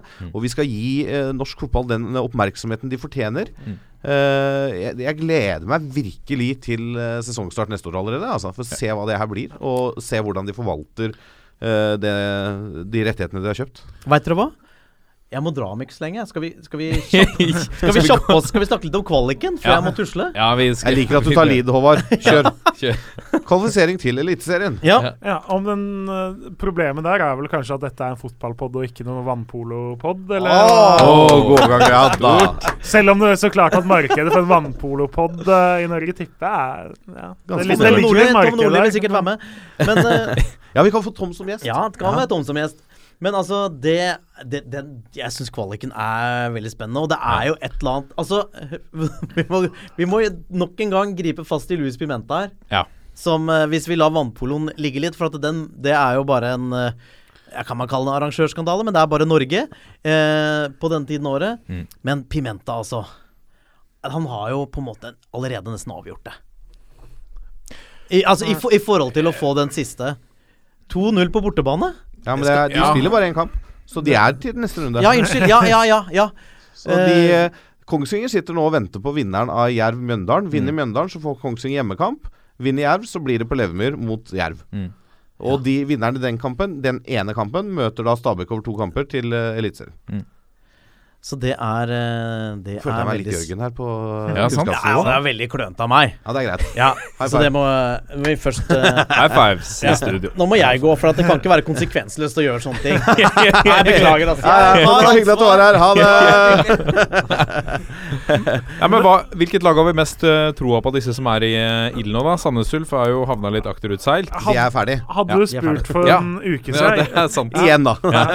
Hadde du spurt for en uke siden, så hadde jeg sagt Sandnes Ulf. For jeg syns de hadde klart høyeste maksnivå, høyeste potensialet. Mm. Flest naturlige matchvinnere, egentlig. Men det, de er jo ute av leken, så det, det er dumt å velge de nå. Uh, det blir spennende. Jeg tror Jerv klarer det på, selv på en akseptabel bane mot uh, Mjøndalen. Ja. Det er klart De har en 1-0-ledelse der, og vinner de, så har de hjemmekamp mot Kongsvinger. Men skal den spilles fra start, eller skal Nei, de, spille de spiller fra der den slutta, men de, Ja. de dropper vel de 20 sekundene før pause, tipper jeg. Ja, Altså, de spiller 20 Det sekunder, hadde vært gøy hvis de tok 20 sekunder spill, 15 minutter pause, og så starta andre. Så, ja, pausen. så det er jo Ja. omgang igjen og 1-0-ledelse til Jerv eh, der. De har en liten fordel. Sånn De har, ja. ja, og så får de jo hjemmebanefordel igjen hvis de vinner. Ja, jo, ja, det gjør de, Men så er det spørs det om de får hjemmebanefordel i den kampen 19.11. mot Mjøndalen. Da. For hvis ikke Levemyr er klar, så er det Sør Arena de skal til. Og da blir det jo en nøytral bane. Mm. Selv om det er på Sørlandet. Ja. Altså, og de er vant til å spille på gress, da blir det på kunstgress. Blir litt spennende. Og en annen ting som er litt spennende her, er jo det er noen av spillerne her som skal ha noen treningsøkter før den kampen. Det er noen som skal på landslagsoppdrag. Tenk om en av disse som da gikk av da de blåste av kampen, er skada. Kommer må- ut på krykker, byttes ut. Ja, da må de jo bruke byttene som du har disponible i enhver kamp. Ja, de har jo tre eh, igjen hver. Det er klart, jeg syns egentlig at Jeg syns fire lag fra førstedivisjon uh, er for mange i kvalik. Mm. Det er ment før den her vannpolotøyset òg. Mm. jeg syns liksom ikke sjetteplass i uh, førstedivisjon skal belønnes, selv om jeg skjønner at ok, det blir spennende og det er kamp helt inn. og alt sånt. Eh, neste år så skal jo seriene avsluttes enda seinere. nå blir jo kvaliken veldig sein og nesten eller 4. desember, ja, men det er jo liksom Nå er det litt unntak og litt spesielle omstendigheter, men det er jo planen neste år uansett. Det, jeg mener jo egentlig at det holder med tredjeplassen, eller eventuelt at tredje- og fjerdeplassen møtes, da, og så møter de tippeligalaget. Ja, jeg, jeg tror Eh. Altså Jeg liker jo litt konseptet med at du har en sånn Obos-kvalik, og vinneren av den møter eliteserielaget. Ja, det er underholdende, Det er altså. underholdende, men jeg, Ja. jeg er enig med deg i forhold til at uh, kanskje du får um, Hvis du har to Obos-lag, da, så møtes en Obos-finale, og vinneren der møter eliteserielaget. Ja. Det tror jeg kan være kult. Men tenk om det ender med at Pimenta da tar dette Kongsvinger-laget opp, Mm. i tillegg til cupfinale. Ja, Det vil jo være en eh, Vi kan vel slå fast at uh, nå har jo de fleste av oss fotballsupportere gått litt i dvale allerede. På Kongsvinger, der uh, Det er trøkkeste. Der gleder man seg som aldri før. Men så var det litt sånn De har jo fått nå, hvis vi skal hoppe over til cupfinalen siden vi snakker Kongsvinger Mm. Fikk jo 6700 billetter til eh, cupfinalen. Mm. Eh, For det første en merkelig fordeling, da, at Rosenborg får 8500 eller noe. Eh, Kongsvinger, som da har et snitt rundt 1500, får plutselig 6700 billetter til cupfinalen. Det er kjempetåpelig, egentlig. Det burde jo- ja. Men, At de burde hatt mindre? Ja, altså når du har et gjennomsnitt på hjemmekamper på 1500, eh, og aldri har over 3000 liksom på kamper Ja, men de får jo solgt de Ja, lokalt. ja blir men jo- det er problemet, for nå hadde de salg her. eh, og folk sto i kø. Men der kjørte de da en maks at du kunne kjøpe ti billetter hvis du sto i kø og var tidlig nok ute, da. Eh, så hvis du, hvis du tilfeldigvis er svartebørshai bosatt på Kongsvinger, eller var villig til å kjøre, kjøre opp dit eh, tidlig på mandag eller tirsdag, eller når det var, så sitter du jo med 10-20 billetter nå. Og det, de ble jo solgt ut før kø, alle i køen fikk kjøpt. Men du må jo unne dem litt billetter i en historisk cupfinale. det- Du satte grensen på fire, da. Ja. Ja, for, egentlig så har du vel sånn at uh, hver klubb skal ha 3000, så beregnes det ut fra et eller annet. Så, Hadde de fått liksom 3000, så hadde de fortsatt hatt dobbelt av snittet på hjemmekampene i år. Ja, Men samtidig du vil ikke at Rosenborg skal ha hjemmebane. Nei. Nei, det er, Nei, det, det er burde det Men burde, ikke, burde man ikke gjort det sånn som man gjør i Er det ikke 50-50? FA-cupfinalen, da? Hvor du er 50-50 uansett? Ja. Jeg syns det er mest øh, rettferdig. Jo da, men så har du det po- poenget i Norge da med alle disse sponsorbillettene og sånne ting. For her er jo da 8003 til Rosenborg, sa? er noe 6007? ja. Ja, det er 14 000 billetter, eller nei, 15 000 billetter. Av 28 000. Det er 13 000 billetter på det åpne markedet, hvor det skal gå til andre Altså du, hvis du jobber i en klubb, da, Mm. på ganske langt ned, så får du tippeliga Nei, får du cupfinalebilletter. Det er sponsorer og To og et halvt er vel alltid på det åpne markedet. Ja, ja. Du kan søke, og så trekkes det mellom alle Ja. som har søkt. De får jo solgt ut Ullevål, det er jo ikke det. Men jeg syns mer burde gått til klubba uansett. Og så er det jo litt dumt. Sånn, det kan jo ha vært noen lure trøndere som var og kjøpte seg ti billetter på Hjemslund i går. Det. Da må du jo stå med de, da. Ja, men det er jo nettopp det. Vil man jo det. De vil jo det, og hvis det er muligheten din som trønder til å se cupfinalen, Kongsvinger. øh, så gjør de jo det. Men vil NFF det at plutselig så er halve Kongsvinger-svingen eh, ha bart og drikke karsk, på en måte? Vil, vil Det NFF det? Ja, det blir det dårlig stemning. Men for å runde av den kvalik-diskusjonen, da. Hvem vil dere eh, ha opp, hvis man Eller eh, hvis man skal velge mellom Stabæk og disse Obos-lagene, hvem vil dere ha i, i Tippeligaen neste år? For, å bli, der, ja, for å bli godt likt uh, av i hvert fall to i det studioet her, så burde jeg jo sagt Kongsvinger Ja, pga. Pimenta. Mm. Men det kan jeg jo ikke si. fordi Nei, det er jo bare historikken mellom Kongsvinger og klubben XXX min. er ikke det laget Ja, Det, så er jo ikke Ja, det er sant, Kongsvinger et lag vi er så glad i. Nei. Så det er greit nok. Men, eh, men ingen av de lagene som er igjen nå, er jo noen eh, nødvendigvis noen publikumsrysere. altså det, er- det er, blir, blir ikke mye folk på Levermyr, det blir ikke mye folk i Kongsvinger. Det blir ikke mye folk på Nadderud neste år. Nei. Eh, og så er det sånn Hadde det vært gøy å fått opp et no nytt lag når vi først har 16 lag i Tippeligaen? Jerv, okay. mener du? Kanskje vi skulle hatt opp Jerv, da. Bare prøvd det en gang. Ja. Eh, så vi har et sørlandslag i, i toppdivisjonen, da, siden Start gikk ned. Mm. Uh, samtidig så er det jo Obos-liga neste år med masse sørlandslag. Kunne jo vært gøy. Mm. Uh, så Nei, Jerv eller Stabæk er egentlig revnende likegyldig for meg hvilken av de som tar sisteplassen i Eliteserien. Altså. Da Jeg må må si- velge ett. Jeg må si på Da sier jeg Jerv, da. Ja. Jerv. Håvard. Da sier jeg på tross av at de slo oss ut i cupen, Ja. så syns jeg de, den innsatsen og den gløden de viste, og ikke minst med taktisk klokskap fra trener, var så rørende. Mm. Og den viljen, måten han hausa Det var på en eller annen måte Det var som å, å liksom se liksom Følelsen av Sif igjen med en gang Deila overtok. Den derre En fyr som bare er ung og vill Ja. og, og gå gjennom veggen. Så hvis han blir med, så syns jeg det er interessant. Ja. Jeg syns det var noe fantastisk å se Godset Kongsvinger-kampen. Sorry, Håvard, men husker jeg tilbake til når du satt her og prøvde å komme med Eller han spurte deg om noen tips til hvordan han skulle slå Kongsvinger. Og han, du sa Slå at du må ligge Godset, mener? Ja, Ja, ja. slå Godset. Ja. Og du sa at du må ligge kompakt og, og, og ligge defensivt. Og, og han bare svarte rolig med We are not gonna do that. Nei. Han gikk i strupen på Godset også, han holdt det han lovet. Ja, og det var Deilig, Det, det var- var, det det var jo en eh, klassisk sånn hovmod står for fall-historie. Ja. At vi var så glad for å trekke Kongsvinger. Mm. eh, og de kom og, og blødde i hver Måten han liksom pisker han Ja. fyren inn Ja. igjen på banen etter at han har tatt en takling. Ja, fantastisk å se på. sånn, det er så deilig, altså. Men du sammenlignet jo litt den, den eh, Det du er inne på der, da, at man jubler over at det ble Kongsvinger, på samme måte som at vi jubla over at vi skulle møte Ungarn i, i playoff. Ja, ja, ja. Den klassiske uh, hovmod står for fall. Ja. Uh, og og det, det må vi bare slutte med. Ja. Uh, I hvert fall på landslagsnivå, da. Ja. At uh, vi må bare tenke at ok, hvis vi Uansett hvem vi møter Mm. i en eventuell playoff i framtida, så må vi bare prestere tenke at vi må prestere over evne for å klare det. Jeg tror vi kan si det sånn at uansett hvem vi møter noen gang, altså i hvilken som helst kamp, så bør vi kanskje tenke at vi må gjøre en jobb. Ja. Ja, ja. Jørgen, hvem vil du ha i Tippeligaen i, til neste da, år? da sier jeg Stabæk, jeg, da. Rett og slett Uh, jeg sy Altså, Stabæk uh, har vært der lenge. Det er ikke noe sånn spennende og hei, nå får vi noe nytt. Men uh, det får vi i Kristiansund. Og det, Mm. Stabæk har en fryktelig bra junioravdeling. Som jeg håper liksom litt sånn, hvis man ser utenfra, at Stabæk får beholde litt den, det de driver med. Kanskje få opp noen flere eh, derfra. Så, så er de jo litt sånn der, eh, litt outsider på en eller annen måte oppi der. Det, Jeg, jeg syns Stabæk er et lag som hører hjemme når det er 16 lag i eh, øverste divisjonen. Martin? Uh, Kongsvinger. Okay. Eh, på grunn av Pimenta. Ja, vi er, vi er på Pimenta-forelska, vi, etter Så har jeg en nevø òg som har blitt Kongsvinger-fan, fordi faren hans er det. Så jeg må, må, backe, må backe det litt. av Ja, ja. moro. Jeg tror Stabæk tar det. Kan, jeg, kan jeg komme med et nytt forslag nå? Ja, kjør. Eh, siden jeg må dra, da snart. Ja. At vi nå eh, går rett til eh, landskamp. Ja, Og så det kan kan vi dere gjøre. eventuelt runde av med det andre når jeg må stikke. Ja, det kan vi gjøre. Ja? Er det, Bra forslag. åpner vi for det? Kan vi, kan vi ta en pause og så, og så spille en jingle, og så fortsetter vi? Ja, jeg Ja, er klar fint. for det. Ja. Dette er toppfotball. Og til fredag så er det dette oppgjøret som eh, jeg i hvert fall ser fram til. Uh, Tsjekkia-Norge.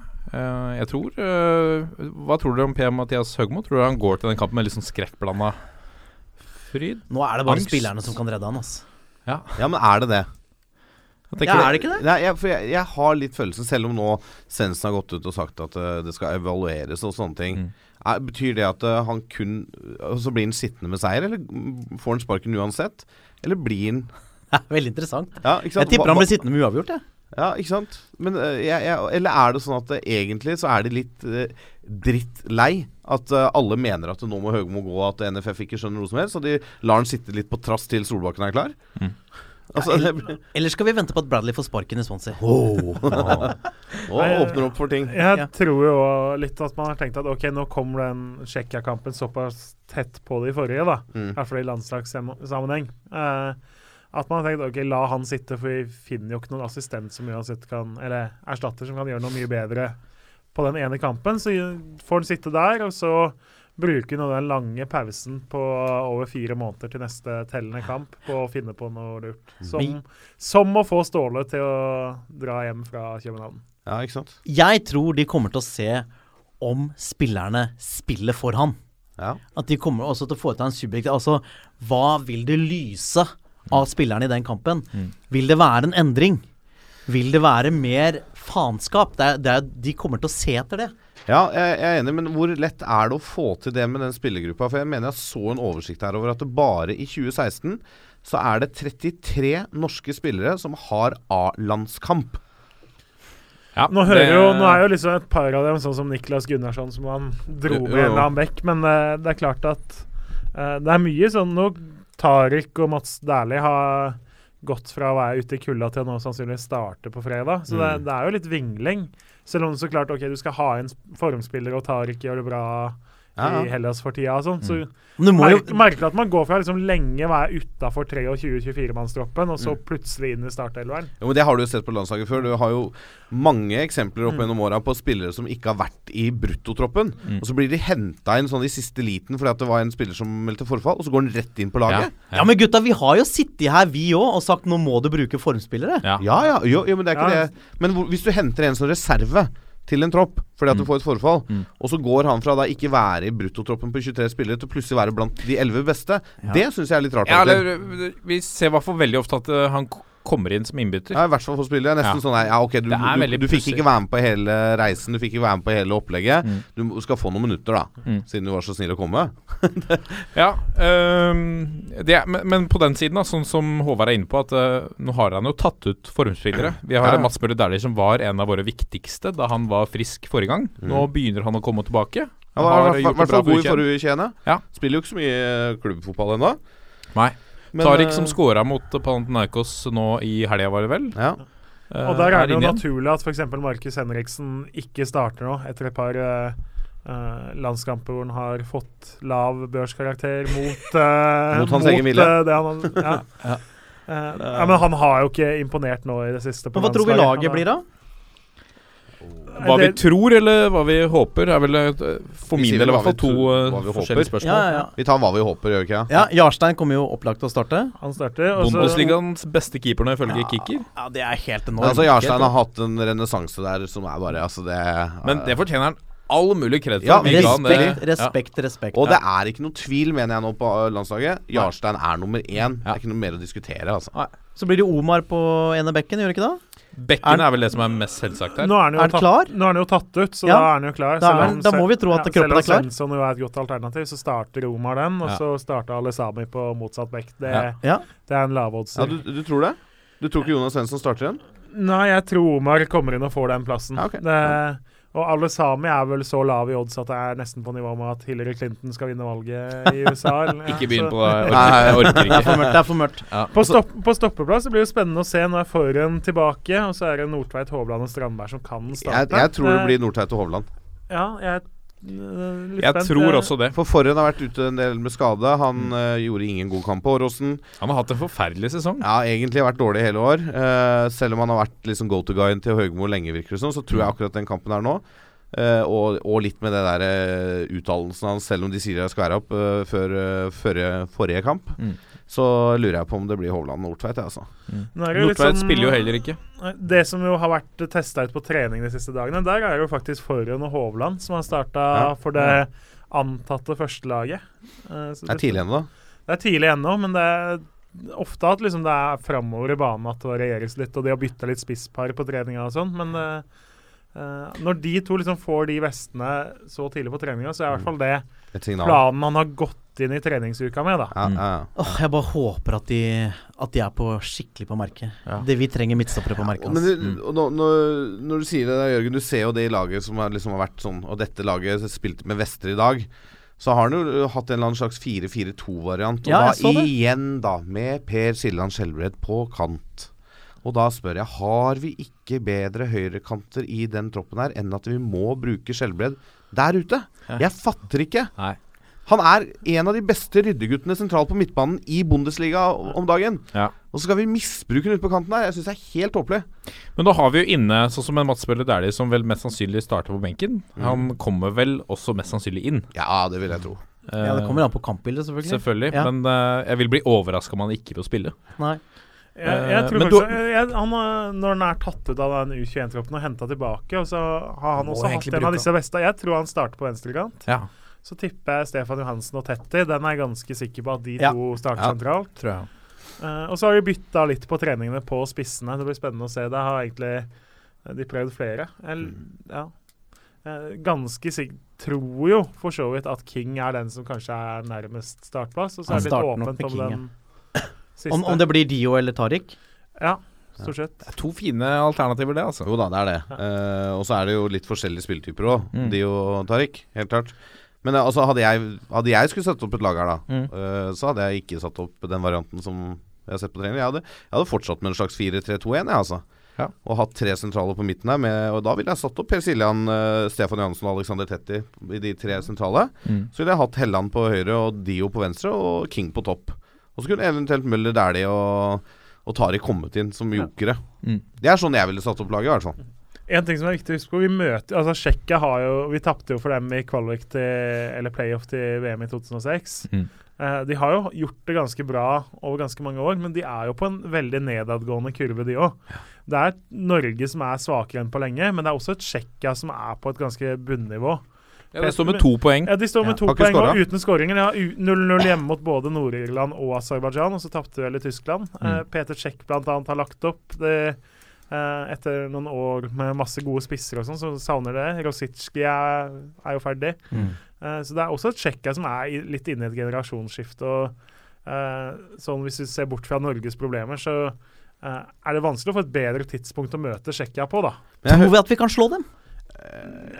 Nja. Hvis vi skal ta de siste norske resultatene, eh, og da ser jeg helt bort fra Tsjekkia Nei, jeg, jeg, altså, vi, har, vi har alle muligheter til å slå de akkurat nå, men jeg tror eh, dessverre ikke at vi klarer å slå dem. Men jeg hører jo Jeg tror det var vel sikkert Høgmo, da. Men eh, noen som sa at det- med, ja, det var Høgmo. Med seier her så har vi grep om andreplassen, for det er viktig å legge Tsjekkia bak oss.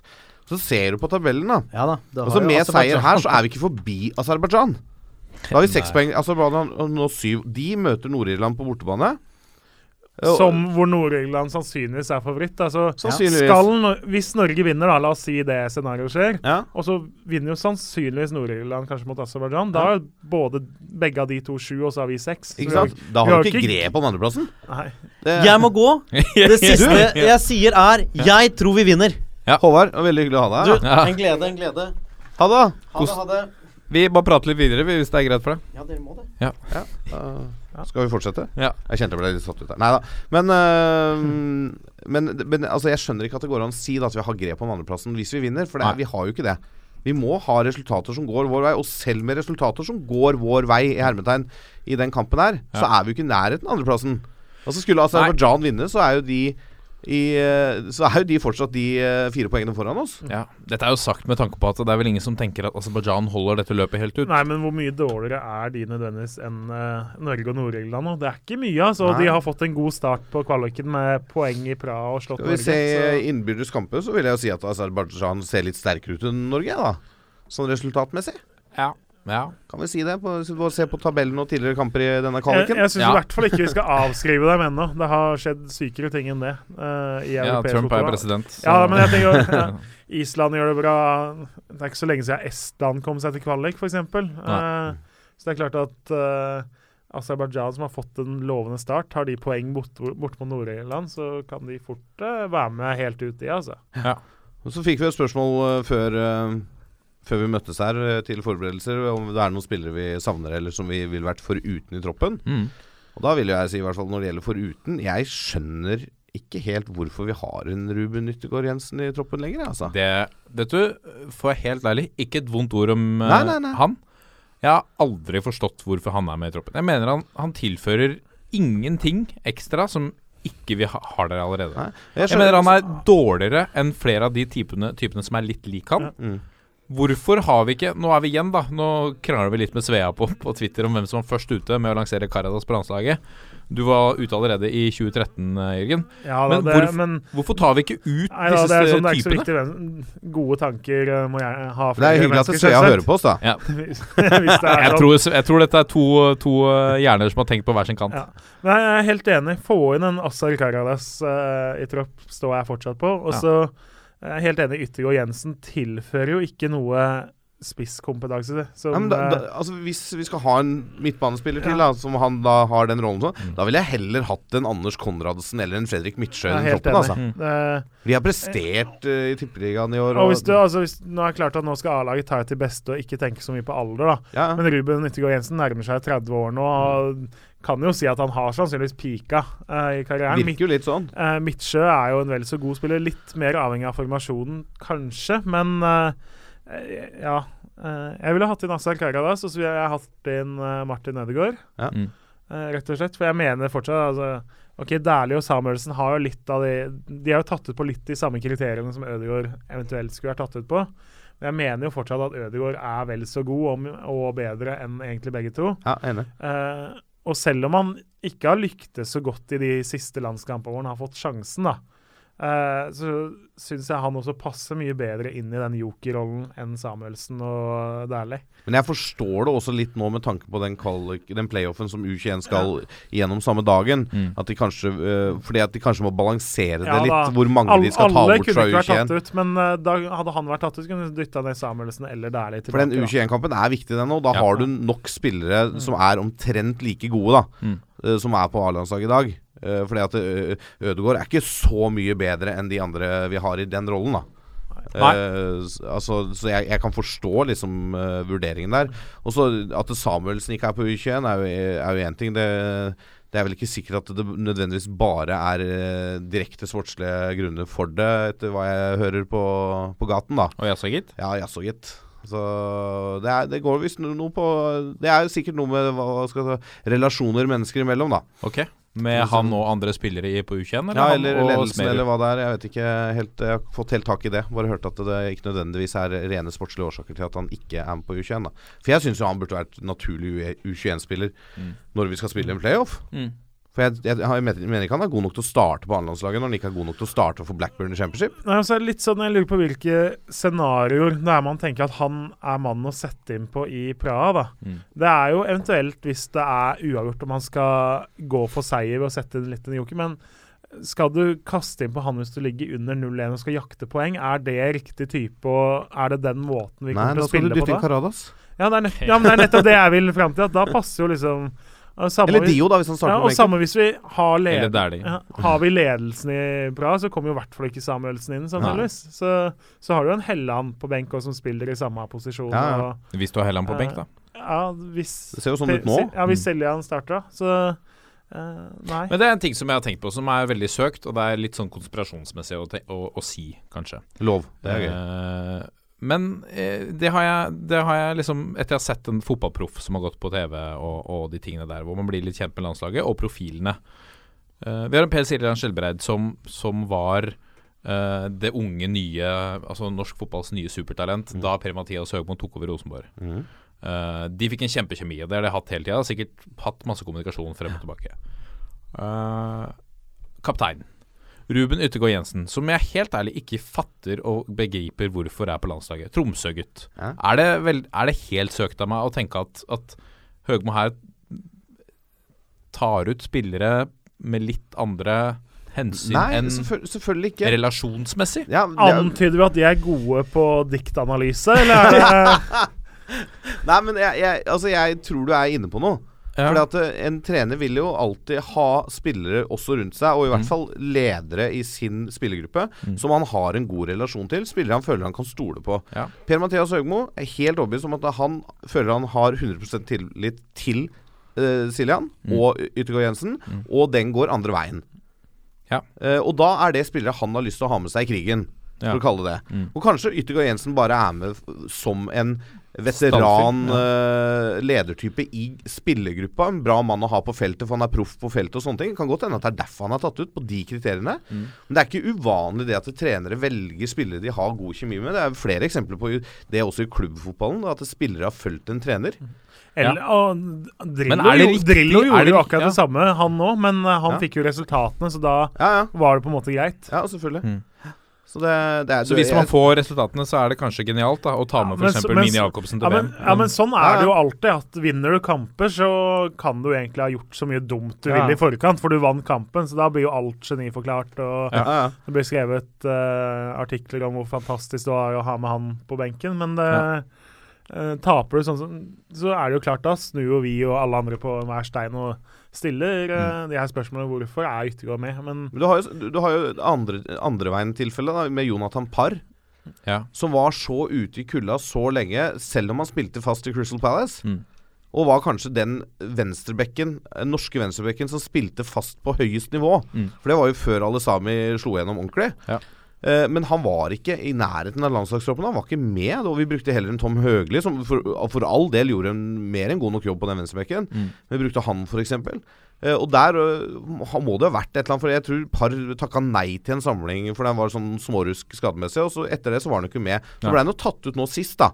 Ja. uh, I forrige runde. Og, Nå er han jo ikke men han, jeg syns ikke Par er på det nivået nå Nei, nei, nei. i godset som han var på da han var i Crystal Palace. Og sånn sportslig sett så forsto jeg ikke det uttaket av Par sist, kontra at han ikke har vært med det de foregående to åra. Så det går nok litt sånn på, på sånne ting, altså på relasjoner. Uh, hvor godt du liker en spiller som type også, ikke bare som spiller og sportslig sett. Det er jeg helt overbevist om. Det er ikke noen konspirasjonsteori i det. Det er bare sånn det er. Menneskelig, menneskelige vurderinger. Er, Selvfølgelig er det med, og det, det er jo han Mm. Spørsmålet allerede- er om, ja, som Jørgen sier, at vi snur rundt på alle steiner for å finne feil nå når ting går galt. Ja, ja. Men spørsmålet er om, om, om det er en, åpenbart en feil vurdering når det ikke fungerer. Så, så, så mener jeg at er ok hvis du tar, med, tar ut spillere Hvis du tar ut en spiller fordi at han er veldig sosial eller bygger opp gruppa og det er, funker kjempebra, og vi vinner gull. Hvis vi ikke klarer å få det til, så ikke bruke opp plassen til en annen spiller som er bedre. Nei, det er jeg helt enig i. Ja. Helt enig. Ja, Ja, men det er bra. det er bra, ja, det er ganske enig, men det, jeg mener Altså uh, Karadas, for eksempel, da. La, få han med. Det, uh, og så er det jo litt sånn Ja, det, det kommer jo ikke til å skje, for, men uh, jeg skjønner ikke hvorfor man ikke tenker tanken. Og det, Drillo tenkte Altså hadde vel litt Du, det og, samme det vel Johnsen. så, og det er jo sånn at ok, når du har lov til å ha fem eller sju på benken, da må Mm. du ha folk som kan passe inn i alle scenarioer og sånn. Ja. Når du har lov til å ha med deg liksom halve Norge på benken uansett, Ja, så kan du jo ta med noen som har spisskompetanse, for da har du en spiller som passer på midten, og du har en back, og du har en stopper, og du har enda en stopper, og du har to keepere. Da har du råd til å ha en duellsterk spiss som ikke eh, ikke er nye Messi, liksom. ja, Og som i verste fall kan spille stopper òg, hvis alt skulle Hvis Ja. alt skulle gå Ja, men altså. Kommer han innpå, så leder vi, så kan jo han stå og stange ballen ganske langt unna hvis vi skal forsvare en ledelse etterpå. Ja. Helt klart. Helt Ja. klart. Nei, det, men det blir en spennende kamp, da. Jeg, Det blir veldig, veldig spennende, altså. Jeg håper, selv om uh, Tsjekkia nå er litt ute og kjører sånn resultatmessig, og at de ikke skårer noe mål, jeg håper allikevel at Norge legger seg litt kompakt og spiller litt pragmatisk og uh, satser på kontringer og dødballer, og, og på en måte uh, tar litt hensyn til defensiv trygghet, da. Ja. Det, er ikke, altså det er ikke det morsomste å si som fotballsupporter at du vil at laget ditt skal gjøre det, men vi må ha et resultat. Det er det absolutt viktigste, og Mm. da må vi ta Og vi har sluppet inn uh, bra med mål. Mm. i de, de siste landskampene vi har spilt. Ja. Da er det greit å ha defensiv trygghet først. Altså, vi er et av få lag som faktisk har sluppet inn mål på hjemmebane mot San Marino. Det bør ikke skje. Nei. Nei. Tenk så deilig det blir å komme i studio neste uke, gutta, når vi har slått uh, Tsjekkia 3-0 på bortebane. Høgmo forever. Hashtag Høgmo forever. Dette er toppfotball. Det spilles jo også en uh, veldig viktig U21-landskamp på fredag. Den første av to kvalifiseringskamper mot uh, Serbia. Uh, det må vi gløtte innom. Men før det så eh, så jeg på Twitter i dag eh, en liten tweet. Det går litt rykte om at Rafik Signini begynner å bli litt kjepphøy. Ja, De ryktene har vel gått før òg, har de ikke? Det er ikke første gang han har virka litt kjepphøy. Nei, og det er vel Fagermo som opprinnelig satte ut de ryktene. Så eh, Nei, da la han ut en tweet hvor det står Tyskland, komma, England, eh, Frankrike, Nederland, Skien? Spørsmålstegn. Og hmm etterpå. Oi.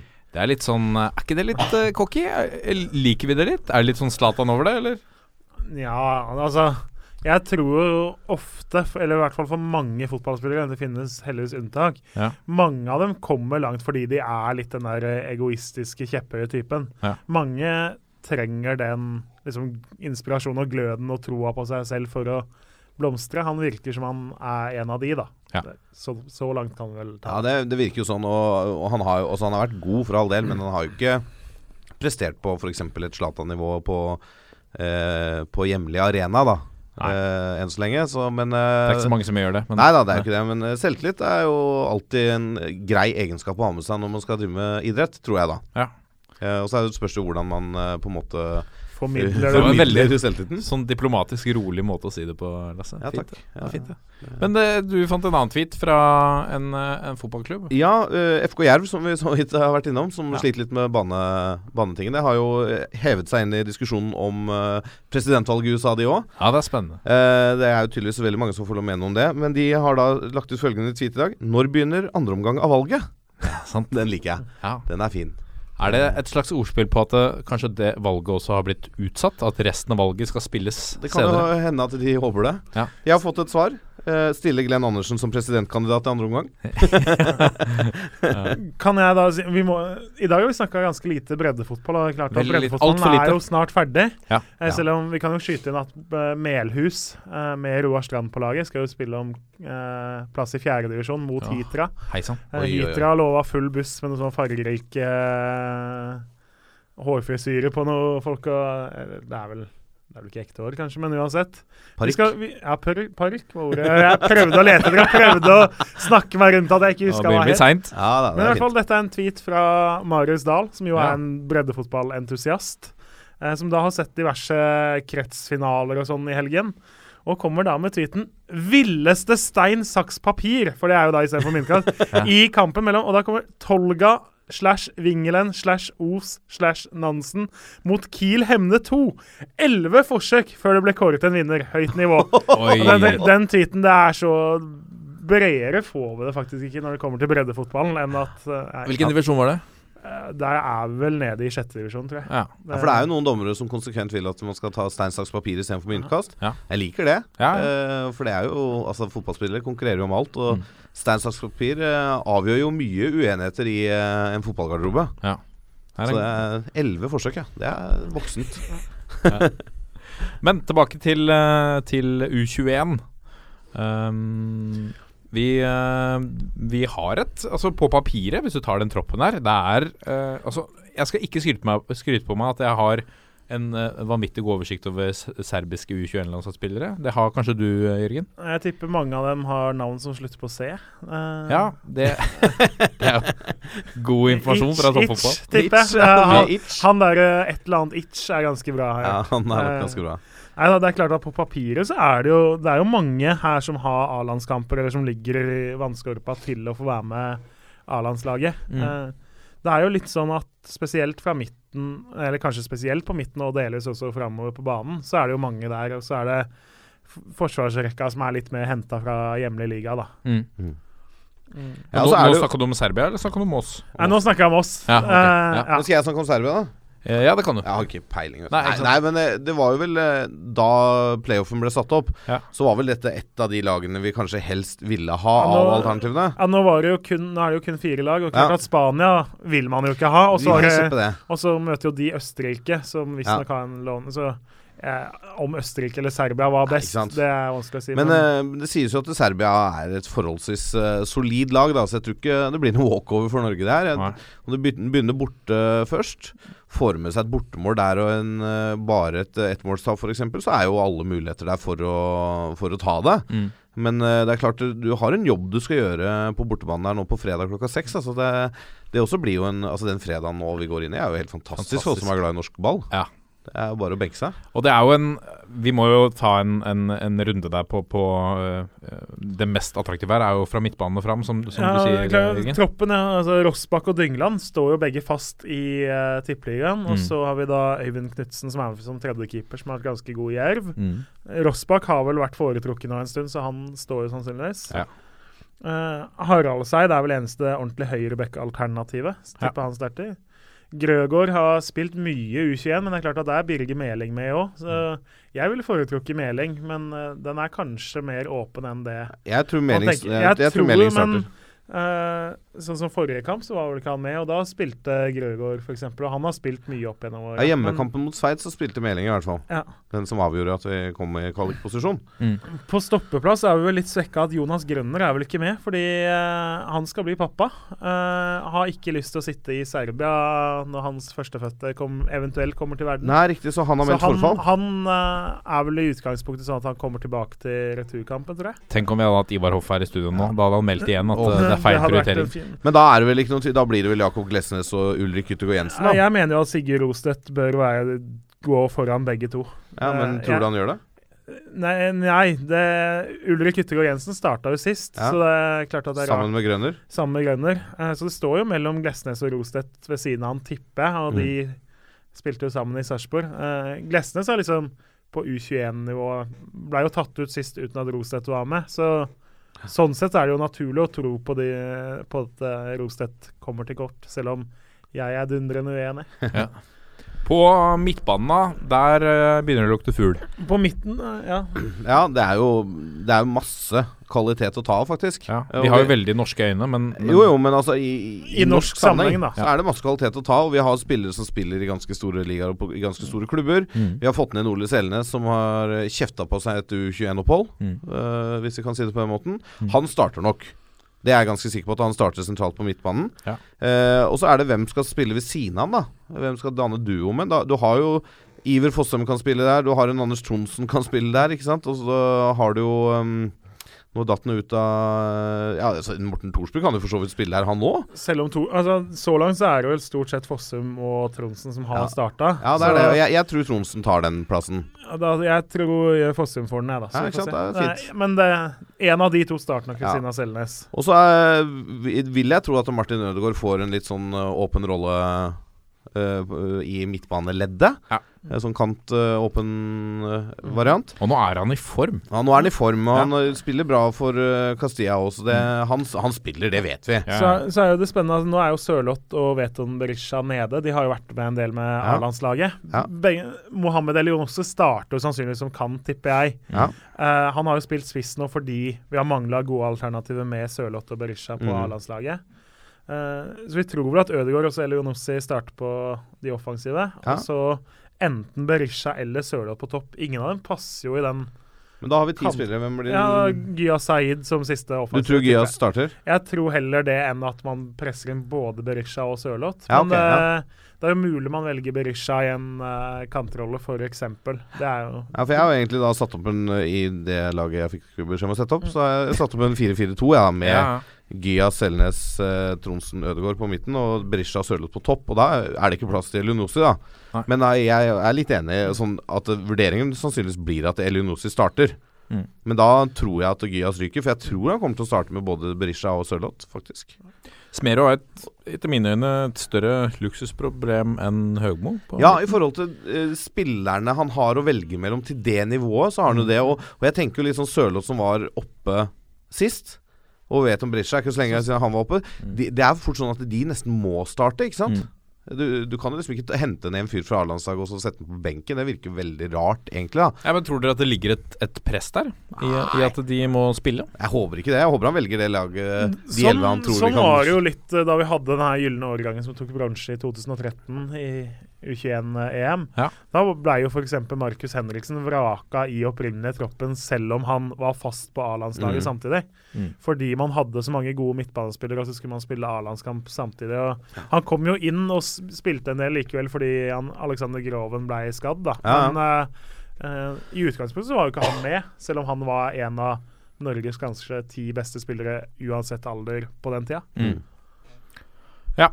Nei, det blir eh, Det er også en veldig spennende kamp. Jeg, veldig, jeg stussa veldig på at den går på samme dag som A-landslaget. Ja. Eh, men det er jo veldig godt for eh, et norsk fotballhjerte at den går klokka seks. Og så har vi Tsjekkia-kampen kvart på ni. Ja, for det, Hadde du hatt den kampen her dagen før A-landslagets kamp, Mm. så kunne du henta opp en eller to fra U21 til å sitte på benken på A-landslaget og være joker der. Eh, og egentlig vice versa. Hvis A-landskampen går først, så kunne du jo brukt en spiller på A-landslaget, og så kunne han reist og spilt litt U21 dagen etterpå, hvis han ikke hadde starta for A-landslaget. Kanskje er det man ønsker å unngå. Det er mulig. Det er mulig. Det er, Helst da påvirkning av U21-laget, helt sikkert. ja, ja, helt sikkert. Det er klart at A-landslaget må jo gå foran, egentlig. Ja Så da. det, Men det er en så viktig kamp for U21, den, den kampen her, da. At jeg håper Fotballforbundet og de to landslagstrenerne har klart å tenke litt sånn at vi må prøve å gjøre begge mm, troppene så sterke som mulig. Ja. Skal vi gå videre? Vi, vi eh, har eh, siste punkt på programmet. Er eh, årets lag i Ja, Det vi ikke rakk sammen med Håvard i dag, fordi han måtte løpe. Ikke sant? Ja. Uh, neste uke skal vi, skal vi gå gjennom uh, årets Vardi. Ja. Der må vi få en avgjørelse snart. Vi skal uh, samle litt statistikk. Eh, det er ikke en enkel jobb å samle statistikk for breddefotballen, Jørgen. Nei da, men det, for det, altså litt av problemet er jo at det man kan lene seg på, er NFFs sider. sider.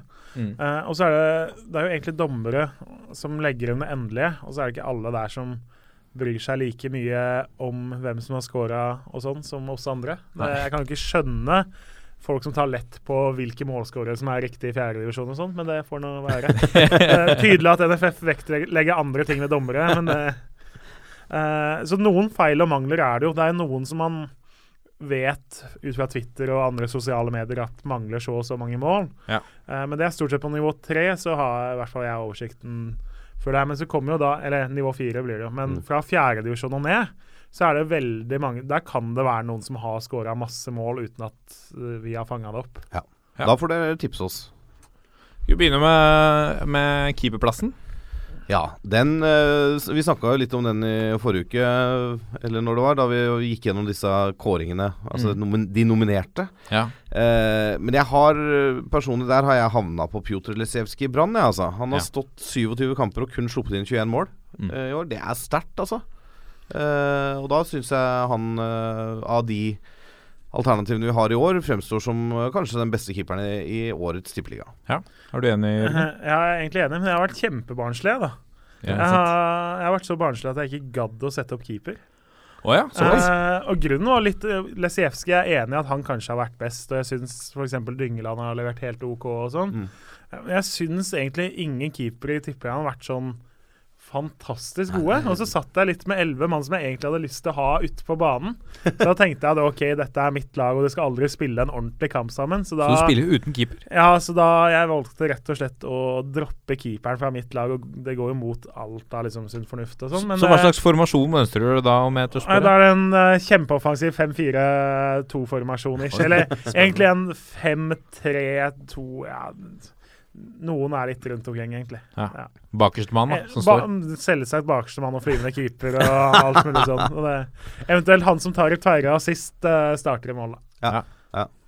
Uh, ja. Um, Sondre Rossbakk, da. Han satte jeg en liten knapp på. 20 år. Jeg syns han har levert Ja, da, han har spilt 30 kamper og Spilt alle levert uh, solid for Odd, virkelig, altså. Men jeg, jeg Altså Lesevskij har 27 kamper, det er ikke så langt unna. Uh, tre han sto på skade, tror jeg. Og han uh, reserven der slapp inn syv mål, tror jeg, på sine tre. Eller ja, noe sånt. Ja. Så jeg, jeg, altså jeg bare Det var litt sånn magefølelsen der og da. Det blei Lesevskij. Ja. Ja. Høyrebekk. Den er vel ganske grei?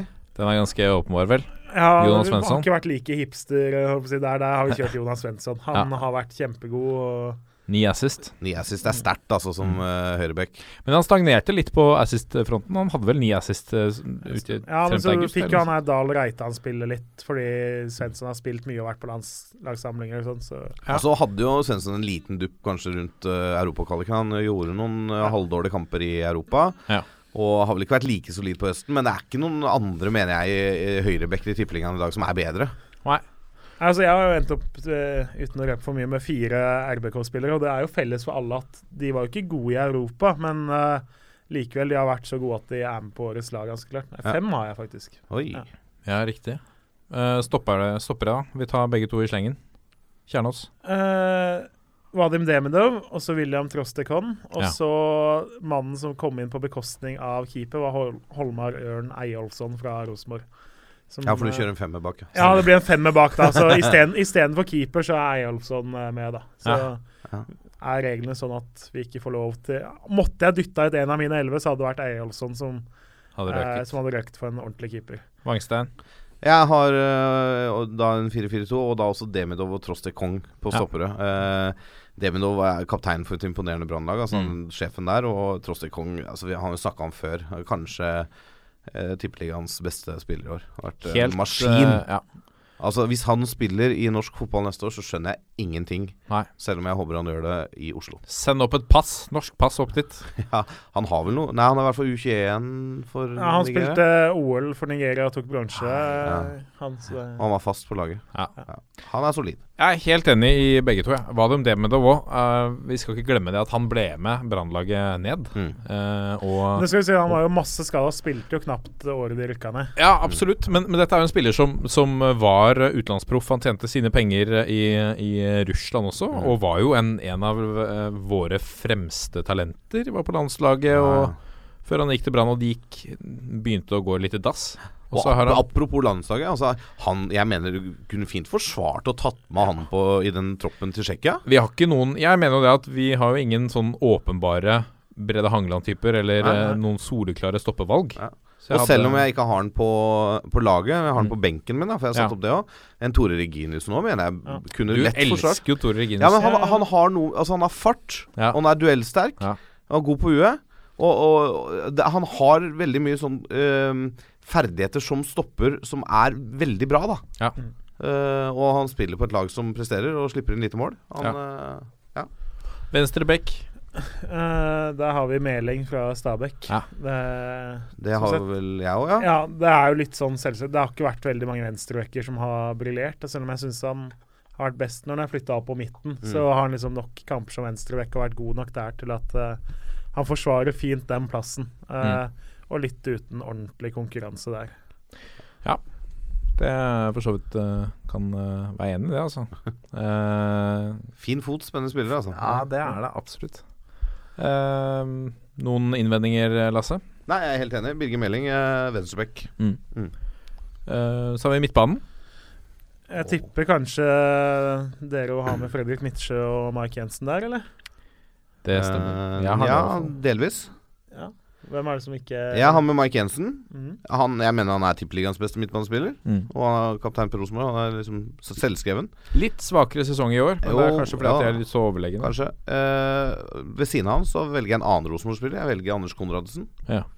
Han eh, En sterk sesong etter en ganske, som du nevnte så vidt i stad, en svak øh, høst i fjor. Mm. Men fikk liksom tid til å spille seg inn litt i Rosenborg-stilen. Og jeg syns han har vært solid for det Rosenborg-laget. Eh, tatt den rollen og gjort den litt til sin. Og ja, jeg, For du må ha en liksom balansespiller på midten her, og både Jensen og Midtsjø er typisk indreløpere.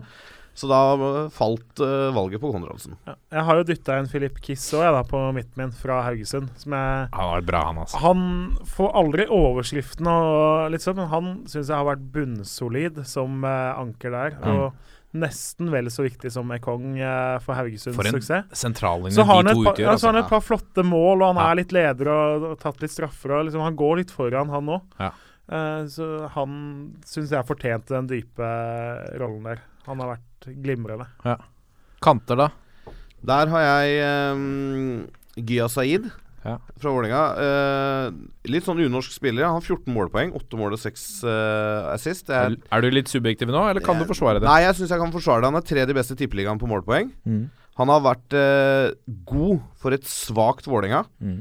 Og, og han begynner vel å bli moden for større oppgaver enn uh, Eliteserien. Mm. Selv om jeg ikke håper han er det. Eh, jeg syns han har hatt en veldig god sesong, og han har vært god på U21. Mm. Og syns han bør begynne snart å banke på døra til A-landslaget, og det mener jeg av sportslige hensyn. Det, Ja. Han er tatt med eh, kun på bakgrunn av sport. Ja. Gjort det bra for U21 òg, når Ja. han har fått sjansen. Har det. Uh, Jørgen, er du enig? Ja, jeg har også med Gia Asaid Jeg syns jo at uh, framover så er det ikke utømmelig eh, mengde med spillere som fortjener plass på laget. Så eh, han, har, han var jo ikke god i vår. Da produserte han lite og fikk lite å stemme, som vi har vært inne på før. Mm. Han har vært så god i høst at totalt sett fortjener han plassen. Eh, så jeg dytta inn eh, Jeg har egentlig ikke kanter, da, for jeg har satt både han og Fredrik Haugen offensivt. Ja. Eh, Haugen har vært litt opp og ned, men såpass viktig offensivt for Brann. Kanskje den viktigste spilleren de har hatt offensivt i år. Eh, også produsert en del viktige mål og eh, assist, og vært såpass god at eh, Han leverer ikke en sesong som er fantastisk, men god nok til at uh, når det er få offensive spillere som virkelig har sprudla, så får han plass på mitt lag. Ja. Mm. Jeg har valgt en annen kantspiller, og det, siden det er mitt lag og kan gjøre akkurat som jeg vil, så har jeg tatt med Mohammed Keita fra Godset og Stabæk. Ja. For han er en sånn spiller som er litt X-faktor. Um, bra skuddfot, bra fysikk. Eh, Og når han Han er jo en sånn spiller som må skrus på. Han må være skrudd på for å prestere. Mm. Litt sånn som Daniel Bråtens eh, kanskje store hemsko har vært i nesten hele karrieren hans. Når han er på, så er han fantastisk. Ja. Og da fikk han eh, lov å starte på laget mitt, for da han skal selvfølgelig være på hver gang han spiller på det Vangstein XI. På topp av gutta. Dere har vel begge to, har dere ikke det? Jeg har to spissere. Ja. nå har jeg brukt opp uh, mine kort, jeg òg. Eller kanskje jeg får lov til å spille med tolv òg, når jeg får lov til å spille uten keeper. Nei, det gjør du ikke. Nei. Må du slutte. uh, som vi var litt inne på da disse nominasjonene var uh, klare. Jeg har Christian Gytkjær. Ja. Eh, også med den begrunnelsen at han har ikke vært briljant, og du eh, må kanskje forvente såpass av en Rosenborg-spiss.